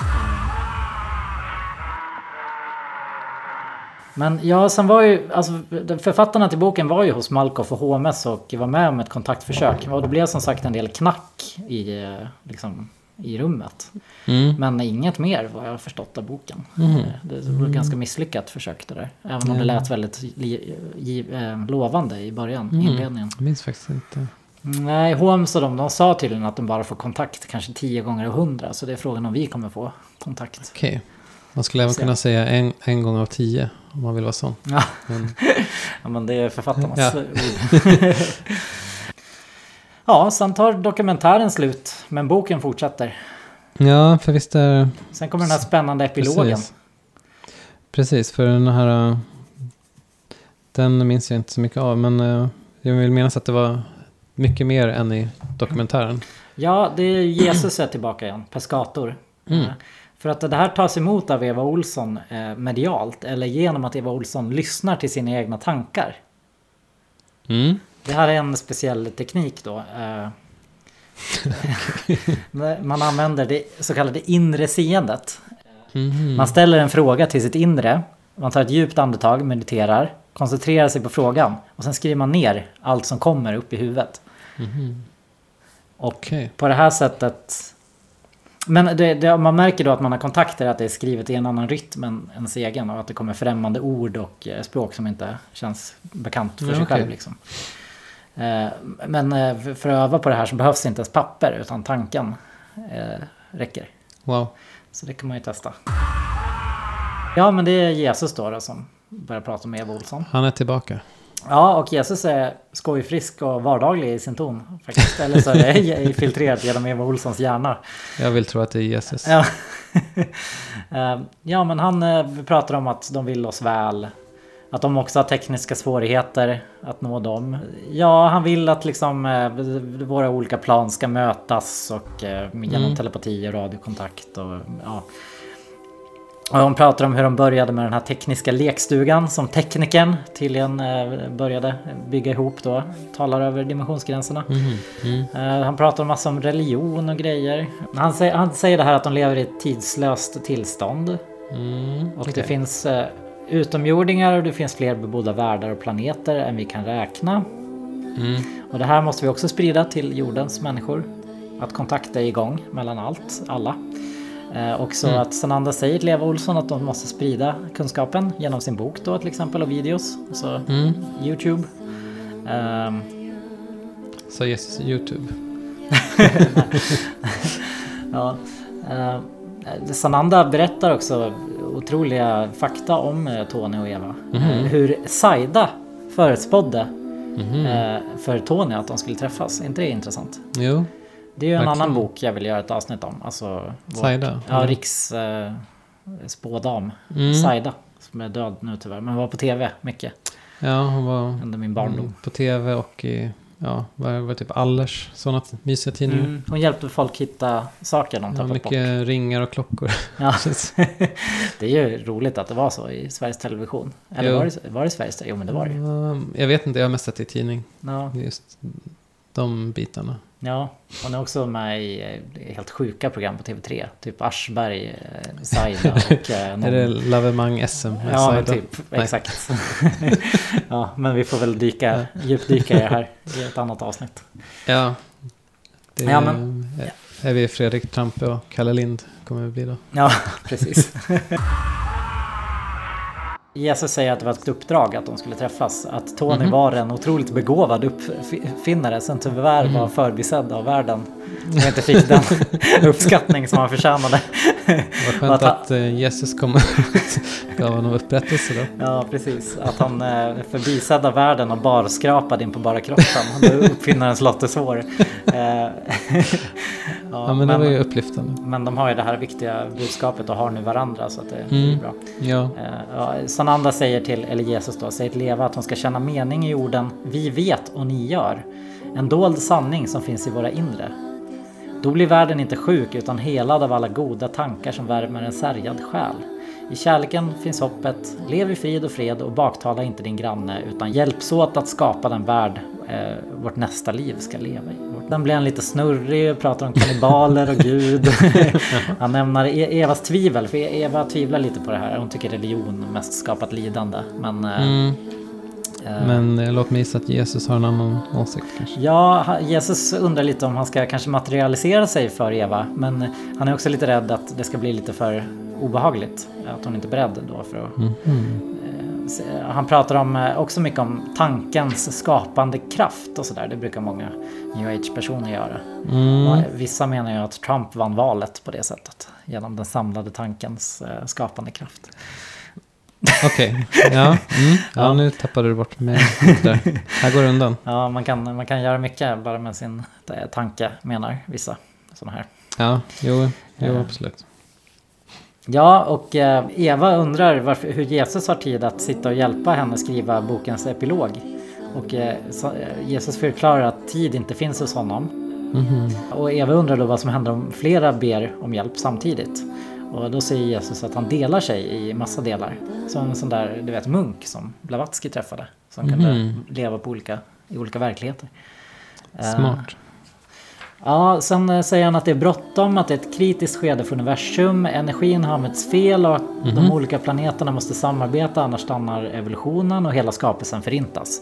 Så Oj. det är väl tyvärr kanske dit vi är på väg nu då, när det är så mycket, mycket skit i världen. Ja, just det. Ja, det är för jävligt. Energierna är Hur det ser ut i världen. Ja, om ont och gott inte utvecklas och går framåt eh, som var tänkt så kollapsar systemet, säger han. Det blir ett systemfel som måste repareras och det är bråttom. Och det var därför de började med radiokontakt då, för att eh, informera om det här. Mhm. Ja, men nu, ja, nu har det ändå gått 22 år sedan Jesus sa det här då. Ja, Så man undrar ju faktiskt. lite. Han berättar om dödsriket och ufon som färdas supersnabbt genom icke-tidstunnlar i universum. Och där är de osynliga. Eh, Sananda eller Jesus säger att de gjort en video som förklarar det här. Hoppas den finns på Youtube. Jesus Jag video. söka på YouTube.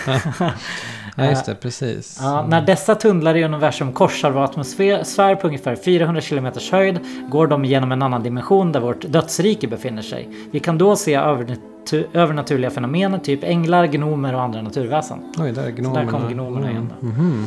Då står den andra dimensionen i kontakt med jorden och sådana platser finns runt på jorden och kallas sexpunktssystem. Och sexpunktssystem det kan vara lite allt möjligt. Det är typ Stonehenge men också någon Mhm. gammal runsten som man hittar. Ja, just det. Sen eh, det här förstår inte Eva riktigt men då förtydligar då Jesus att eh, ett sexpunktssystem, man kan tänka sig att det är som eh, två apelsiner med jättemånga med pinnar i.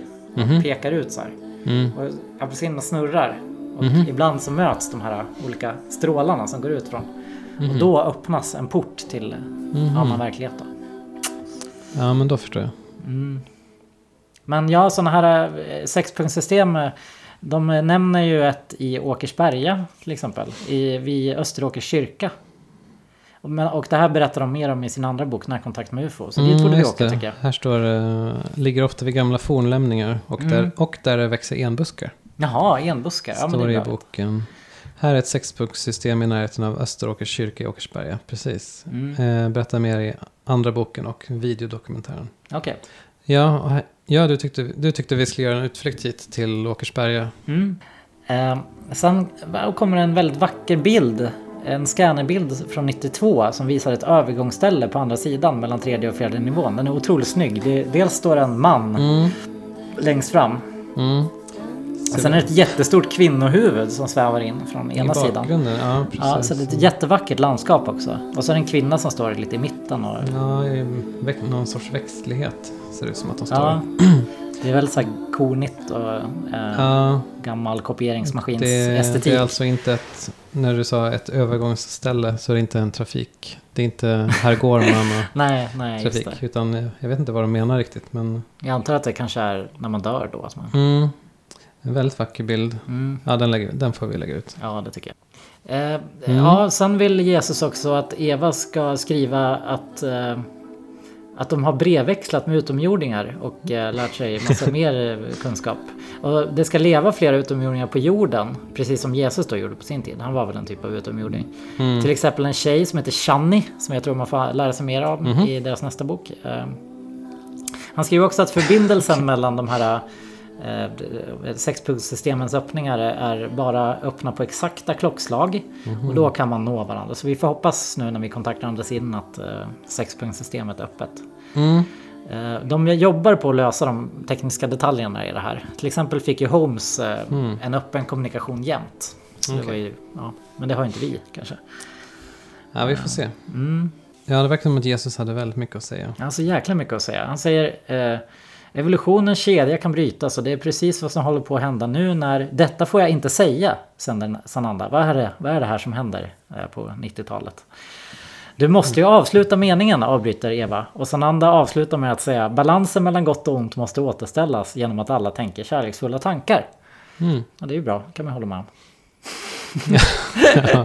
ja, det var kontroversiellt men Ja. tänkvärt. Så här säger han. Tänk på hur väl ni vill er lilla tös eller kille, er maka eller make eller er nära vän, er lilla hund eller katt. Mm. Sträck ut era positiva tankar ut i hela världen och låt kärlek flöda. Ut i överflöd runt vår härjade planet och läka alla krigiska och mörka egoistiska tankar. Låt kärleken segra i ditt liv och hjälp andra att också nå därhän. Då möts vi och vi människor blir än en gång skapelsens krona och mästare över materian, som är tid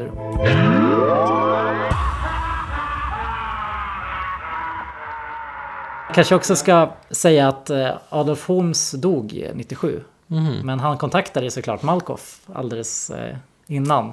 Det Eller efter. Ja, efter. Nej men också, jag, vet inte, det är som att han eh, genom telefon kontaktar Malkoff och säger typ så här, aj, aj, aj, fruktansvärda smärtor. Han säger på riktigt det. Okej. Och, ja, och så visar det sig Mhm. att han har dött och kommer han till andra sidan och säger till Malkoff att allt är precis som vi sa. Jaha, som vi okej. trodde.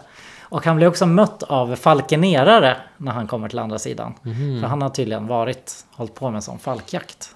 Omes. Och då när man kommer till andra sidan så kommer sådana med samma intressen som en själv och möter Mm. den. Så vilka skulle möta dig? Schysst. Tror? Ja, det är väl alla de stora privatspanarna som Ja. inte är längre med oss. Lars. Lars Krantz, Ja. Sven Anér, Mm. Palme. flera. Ja. Palme själv kanske. Boken avslutas med en förhoppning att också Spiricoms William O'Neill ska höra av sig från andra sidan. Då han också gick bort då på Mhm. 90-talet. Eh, Och det var han som eventuellt var psyksjuk buktalare. Precis.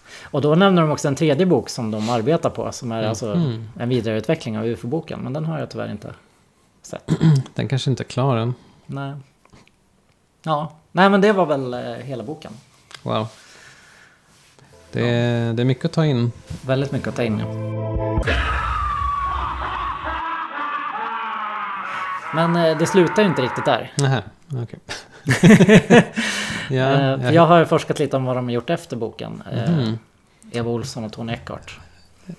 De verkar fortsatt samla fakta och bevis för det här nya paradigmskiftet. Med, där gränserna upplöses mellan Mm. andra sidan och Det låter rimligt. rike. Jag har väldigt svårt att tänka mig att de skulle sluta samla in för att de tyckte att de hade tillräckligt. Nej, de har ju som ett livsmål då att eh, Mm. upplysa om den här nya multidimensionella världsbildsmodellen. Mm. Eh, tyvärr har de också hamnat i en rasande kamp mot föreningen VOF. Ja, just det. Eh, Vet- vetenskap och folkbildning. och folkbildning. Just det. Inte, Åh nej. ja, de är bara två av många som verkar hamna Ja, i bråk. hamnat Nej. i kläm. Nej. Och också humanisterna, ja. Mm. Och de Mm. menar ju att de här två föreningarna för en eh, kamp för att utplåna andlighet och införa vetenskapsreligion då. Mm. Ja. VOF vill ju då att vem som helst ska kunna kontrollera och återfinna liksom... Eh, men det- de vill inte att man ska utgå från enskilda upplevelser kanske. De vill att man ska empiriskt kunna bevisa saker. Och de har ju... Oj då. Är väl därför skeptiska till allt från, du vet den här parapsykologiprofessorn i Lund. Eh, Vilken då? vad, vad hette han? Cardena? Det, det fanns ju en parapsykologiprofessor i Lund Ja, ett tag. oj, ingen aning. Nej, okej. Ja, vaccinförnekare, sådana Mm. saker. Eh, eh, Amelia Adamo. eh, vi, vi, de, de utdelar ju ett pris för årets Ja, det. förvillare varje år och det är en det, det rolig har de, lista. Du hade läst listan. Var, det Mm. sen, eh, var det sen 1987 eller hur var det? Ja, precis. Och 87 Mm. fick ju Dag, Dag Stålsjö eh, Ja. priset för sina okritiska tv-program om bland annat evighetsmaskiner, slagrutor och fornsvensk historia. Där det- låter det som, de vill man ju se allihop. Ja, Jag har ju sett de där programmen om fornsvensk historia. ja just det. Det är ju den här uh, Västgötaskolan. Mm, det, det ska vi verkligen eh, Mm. djupdyka i också. Det är ett väldigt spännande ämne faktiskt. Han har även gjort program om Atlantis också. Ja, Såklart. Ja, vad kul. Ja, men sen eh, 90 fick ju TV4 för programserien Sjunde sinnet. Så det undrar man ju vad det är. Mm, det låter som något otroligt bra. Jag vet inte vad det är men det låter väldigt bra. Nej, men det är mycket så här slagruta, liksom eh, Mm. eh, naturläkemedel. Men också Ella Bolin, Kristdemokraterna, fick eh, eh, det här priset Mm. eh, 2005. Och eh, Amelia Adamo fick det för, vad var det stod? För, var de Aftonbladets helgbilaga. det. ja, precis. Amelia Adamo 1988 för den okritiska journalistiken i Aftonbladets söndags och hälsobilagor. Mm. Mm. Så det var en förvill, förvillande journalistik där. Karolinska institutet fick på grund av eh, Mac- Macchiarini-skandalen. Så Mhm. TV4 Nyhetsmorgon har fått. Mm. Vad har de gjort då? Eh, För att det vid en rad tillfällen släppte igenom pseudovetenskapliga och falska påståenden. Mm. Mhm. Är det Malou eller? Ja, hela, alla. Är det här när Malou, när de skulle göra en smoothie med bajs i? Kanske var det. Va? ja, ja, Ja, men det var ju något. Det låter som att det skulle kunna vara. Ja, men det här är alltså, det är sådana saker eh, de håller på med. Men Mm. man kan ju tänka sig att det också är ganska mycket störiga besserwissers i Eh, Alltså, du vet sådana här det är det nog. Med, vetenskaps... eh, ja, men med hästsvans. Ja, folk. precis. Men det kanske också är ganska bra. Eh, vissa vettiga Mm. saker då. Men eh. Olsson och Eckhart menar att de är en Mm. del av en sektliknande mili- militärlikt uppbyggd internationell åsiktsförtryckarorganisation. Oj, oj, oj. Med säte i USA som heter eh, Mhm. CSICOP. Committee for the Scientific Investigation of Claims of the Paranormal. Nu, numera Aha. förkortat CSI. the, Jaha. the Committee for Skeptical Inquiry. Eh, och eh, Mm. Humanisterna i Sverige, det ska vara då en systerorganisation till det här. Okej.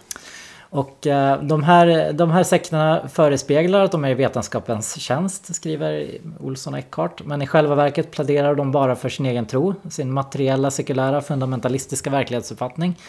Eh, och har försökt styra forskning och synen på verkligheten och världsbilden under decennier och hindrar ny forskning att komma fram som strider mot deras världsuppfattning. Så då, Oj, oj. de menar att de forskat på healing på Karolinska men att eh, VOF har... Eh, Nej, just det, det var forskningsresultat. Vad var det som, Ja. som de gömde undan? Eller vad var det? Som visade att healing fungerade? Precis. Det Den- där har man ju hört om jättemånga Ja, gånger. forskaren professor Uvnäs Moberg uppmanades sluta med healingforskningen och hotades till tystnad.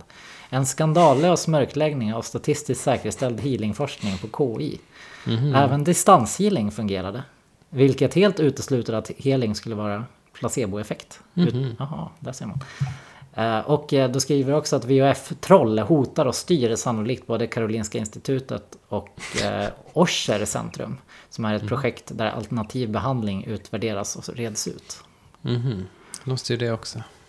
Typiskt. Ja, hur kan då en hel värld ha blivit grundlyrade av, eh, av de här organisationerna? Ja, det hoppas jag att du kan svara på. Eh, De har gjort det då menar författarna genom att lura och manipulera oss genom att använda en medveten långsiktig marxistisk plan. En trism. Va? Jaha. Ja, Mm. så de har väl infiltrerat olika Ja, organisationer. det, den här gamla trotskistiska, Ja. trotskistiska grejen. Precis. Infiltrera. Och ja, de eh, tar plats i tv-soffor och eh, till, typ eh, vill att skolavslutningar inte ska ske i kyrkan. Och, ja, Ja, är det sådär. de som... Det är tydligen de då. Okej. Jag måste bara läsa ett citat här. Mm. Från, eh, från hur de skriver, Olsson och Eckhart. Skeptikerna har löst problemet med webben på så sätt att en webbmilis har skapats som bevakar webben och den offentliga debatten. Dessa får i uppgift att under falska namn mobba runt på Facebook och på hemsidors kommentarsfält för att sprida skeptikernas budskap. Man gör ofta stora gemensamma attacker mot enskilda mål, gärna kombinerade med tidningsartiklar. Det har hänt att hemsidor backas och länkas om till deras egna skeptikerhemsidor. Det har till och med utvecklat en kommentarsrobot som kan fylla upp kommentarsfälten på sidor de vill stoppa. Det har faktiskt hänt på vår hemsida. Hemligkammaren har fått massa konstiga... Mhm, Åh nej, Ja. har, vi fått, har vi fått woof efter oss? Fan. Fast det var i och för sig konstigt för det var så här tarotreklam och grejer. Mhm. Jag fick ta bort jättemånga. Här. Ja, ja. Kanske var en false flag. Ja. ja, de är inte glada, Olsson och Eckhart. Nej, nej, det är så mycket förstod jag. Ja, de fortsätter här att vi blev själva utpekade att bedriva pseudovetenskap för många år sedan på grund av våra Mhm. föredrag och hemsidor, våra bok och videodokumentärer. Och för att vi arbetar för världs, världsbildsförändring och paradigmskifte till en ny multidimensionell världsbildsmodell. Ja, man hör ju Eh, själv att det här är ju Ja. ogrundade anklagelser. Nu förklarar vi revolt och ska försöka bilda opinion för en ny multidimensionell världsbild och verklighetsuppfattning och mot den felaktiga materiella världsbilden och mot VOFs och humanisternas fula mobbning, hot och åsiktsförtryckarmetoder och mycket otrevliga webbmilis som anser sig ha rätt att mobba alla oliktänkande och skriva kränkande på webben till personer som uttrycker en annan åsikt än deras. Davids och folkets, hoppas vi, kamp mot Goliat. Ja, mm. Ja, du menar David och Goliat. Ja, jag trodde det skulle komma någon antisemit, antisemitism eller något Nej, nej, det var bara lite Ja, så här, skönt. eh, lite känga Bibliskt. mot marxism. eh, Där Ja, med entrism. Ja, skönt. Jag Men- var, jag var orolig. Ja, vill, man, vill man veta mer om det här kan man läsa i VOF-trollens spår i Mhm. Humanismens tecken. En granskande artikelserie i 20 delar av Eva Olsson och Tony Eckhart. 20 delar, okej. Ja, där de då drar fram trollen i ljusen. ljuset. Då. Så, Mm. Ja, den finns på deras hemsida. Mm. Ska, vi länk, ska du länk, ja, länka det, du eller? det gör jag. Det gör jag. Det, den, eh, jag tror jag läste hela faktiskt. Mm. Eh, De, de, har också, de har ju också en hemsida, på sin hemsida har de en eh, magiska platser och grejer. Alltså platser som sexpunktssystemen är, där kanaler till kosmos och Mm. andra dimensioner kan användas okej. för kontakt med ufon och andliga varelser. Okej. Så de tycker jag vi ska besöka. Eller i alla fall Mm. något av dem. Ja, Åkersberga kanske. Mm, det Öster, Österåker, Vallentuna också. Ja, ja det är väl också i närheten. Bra. Ja. vi kanske får ta kollektivtrafiken. Mm. Ja. Ja, så stötta oss på Swish som sagt. Ja. Ja, då har vi... Nu är det radio här som sprakar i bakgrunden. Ja. Har vi riggat upp här för att försöka. Ja, nu har vi tänt ljus. Vi skulle också kunna tillägga att eh, det är ganska imponerande idébygge. Det är ju Ja. nästan som en ny. Eh, det, det, eller man kan ju känna igen inslag i deras det här evighetens flod-grejen från eh, Mm. teosofi och lite sådär. Men Ja, det... Precis, en del tycker jag påminner om det lilla jag läst om eller av Swedenborg också. Mm. Om hur man lever här på, på andra sidan.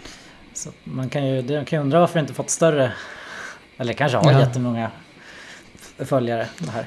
Ja, det är väl på grund av WOF då. Mm. Som tyvärr motarbetar allting. Ja just det, precis. Vi får se då om vi kan eh, heter det, bekräfta att det går att prata med evighetens flod då. Mm. Ja, hur ska Precis. vi börja? Eh, Det finns instruktioner där ja. Ja, i boken finns det instruktioner här. Mm. Vi har tänt ljus Mm, och rökelser. precis. Ehm, Radion är på, på Jörgensson-frekvensen. Ja, precis. Men då, då startar vi bandspelaren då. Just det, ja det gör vi. Ja. Sen har vi ju flera bandspelare här men det verkar inte, det verkar ju vara bra. Det, ja, Ja, men också den här. Vår, Ja, jo. Just det, har du din diktafon där med ett kassettband som är en gammal blandband du fått för... Eh, ja, för 15 år sedan. Det var tyvärr det enda bandet, bandet jag hade hittade hemma. Ja, Med kort varsel. och det är någon slags postpunka Ja, blandband precis. där så vi får se om det kommer in. Ja, jag får tyvärr offra det för vetenskapen. Mm. Ja, så Mhm. hur börjar, vad ska vi, ska, ska, men vi kanske kan fråga om eh, vem som mördade Palme då? Ja, det är väl en bra början. Det är väl en bra, vad heter det? Men då, ja, det finns ju instruktioner här i boken då. Mm. Eh, gör så här, sitt och samtala helt naturligt runt en bandspelare med mikrofon och anropa andra sidan rent allmänt då och då eller någon speciell person där som du vill ha kontakt med. Eh, fast det är en metod. Och sen spelar man upp det inspelade bandet efter 5-10 minuter. Eller ställa in en vanlig enkel radio till exempel på Jürgenson-frekvensen mellanvåg omkring eh, 1485 kHz. Det har vi ju gjort. Ja, Placera en bandspelare med mikrofon nära radions högtalare. har vi Det också har gjort. vi gjort. Ja. Sitt så och samtala som vanligt och anropa andra sidan rakt ut i rummet då och då. ja, men då, vem Du ska måste, vi... ja, sen, du måste hålla igång energin genom återkommande anrop och frågor. Gör många pauser på 5-10 sekunder för att ge rösterna utrymme att höras. Okej. Men vem ska vi Mm. kontakta? Ska vi kontakta någon av dem vi vet finns? Ska vi kontakta liksom Svejen Salter Mm. eller ska vi kontakta någon i Palmes när Eller Olof Palme själv kanske? Ska vi börja med att kontakta Olof Palme kanske? Ja, även om han kanske inte såg vem som mördade honom så kanske han Mm. har fått kunskapen om det. Ja, det kan jag ha fått på andra sidan i och för sig. Det finns ju olika skolor kring det där. Om det var mötesscenario innan mordet. Ja, just. Ifall han pratade med sin mördare också. Hmm. Okej, ja men dolda fakta anropar andra sidan. Ja, Eh, då, Då är vi igång då. ja, då anropar vi Olof Palme då. Mm, Om eh, han har något han vill berätta precis. om mordet. Ja, Olof Palme, finns du med oss? Dolda fakta anropar andra sidan. Ska vi vrida lite på Ja, vi vrider lite frekvensen också? Ja. Det kan vi göra.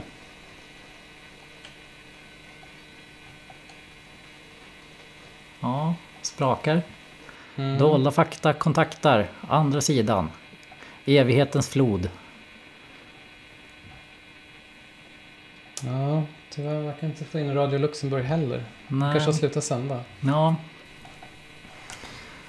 Eh, Svejen Salter, tekniken. Konstantin Raudive. Jürgensson. Olof Palme. Finns ni där?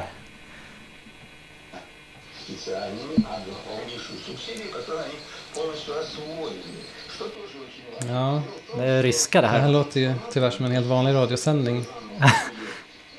Det ska ju slå om så att man hör att det är något annat som händer. Mm, precis. Ska vi vrida lite till kanske? Mm.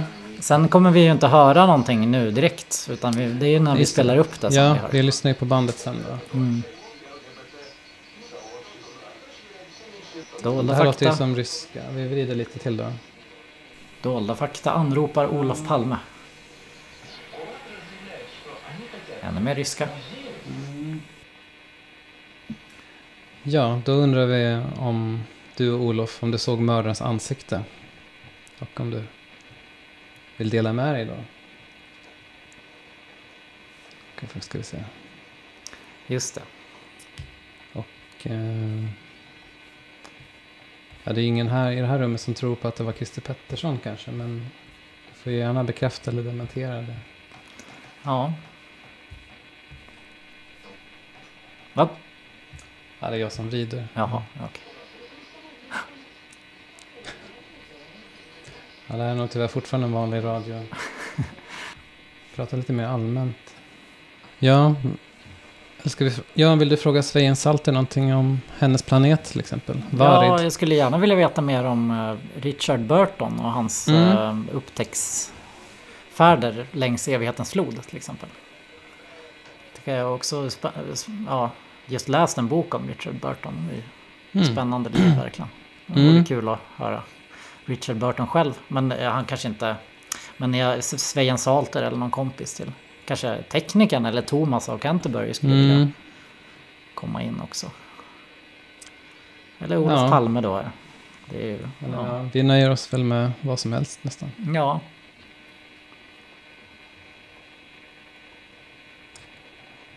Okej, men ska vi pausa här? Och, ja, vi pausar här och så ser vi om det händer någonting. Och då kan vi ha fått upp något på bandet då? Mm, precis. Ska vi stänga av radion? Ja, det kan vi.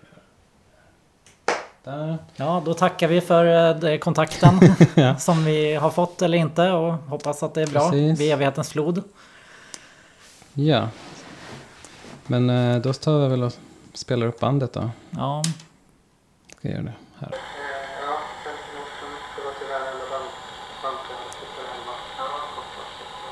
ja, hör vi oss själva här? Ja, tyvärr.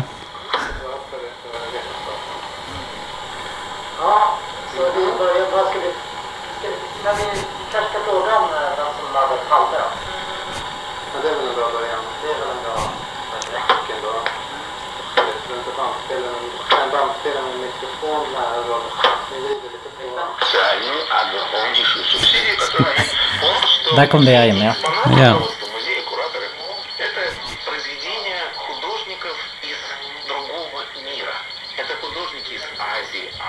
Tänk om eh, den här rösten säger någonting vi inte förstår. Ja. Kan ju vara en del. Språkförbistring kanske. Mm. Men de ska ju anpassa sig. Ja, just det. Just det. Ja, det är ju en del trevliga ljud. Det låter ju väldigt högt. Ett väldigt högt. Skärande ljud. Ja. Kan det vara en sån här pitch, pitchad? Kanske.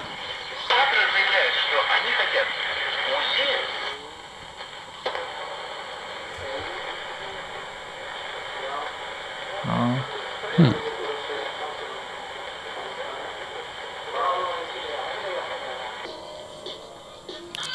Ja, nu blev det tyvärr postpunk. här. Ja.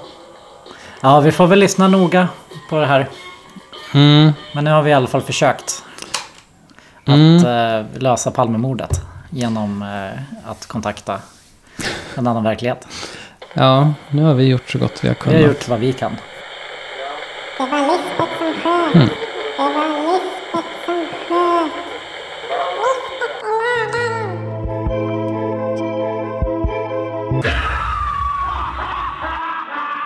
Ja, men det var, det var ju mycket spännande som kom upp idag. Mm. Eh, Många, många spår. mycket att många, tänka på. Många frågor. Många frågor. Eh, Verkligen. och eh, ja, det var väl allt för idag då. Så kommer vi väl tillbaka om ett halvår igen Ja. när vi har lyckats eh, ja, träffas. Precis.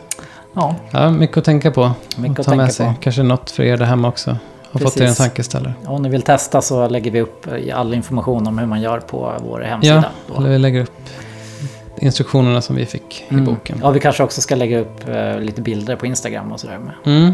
Från, ja. Ja, okej. Ja, ja, tack för oss. Tack.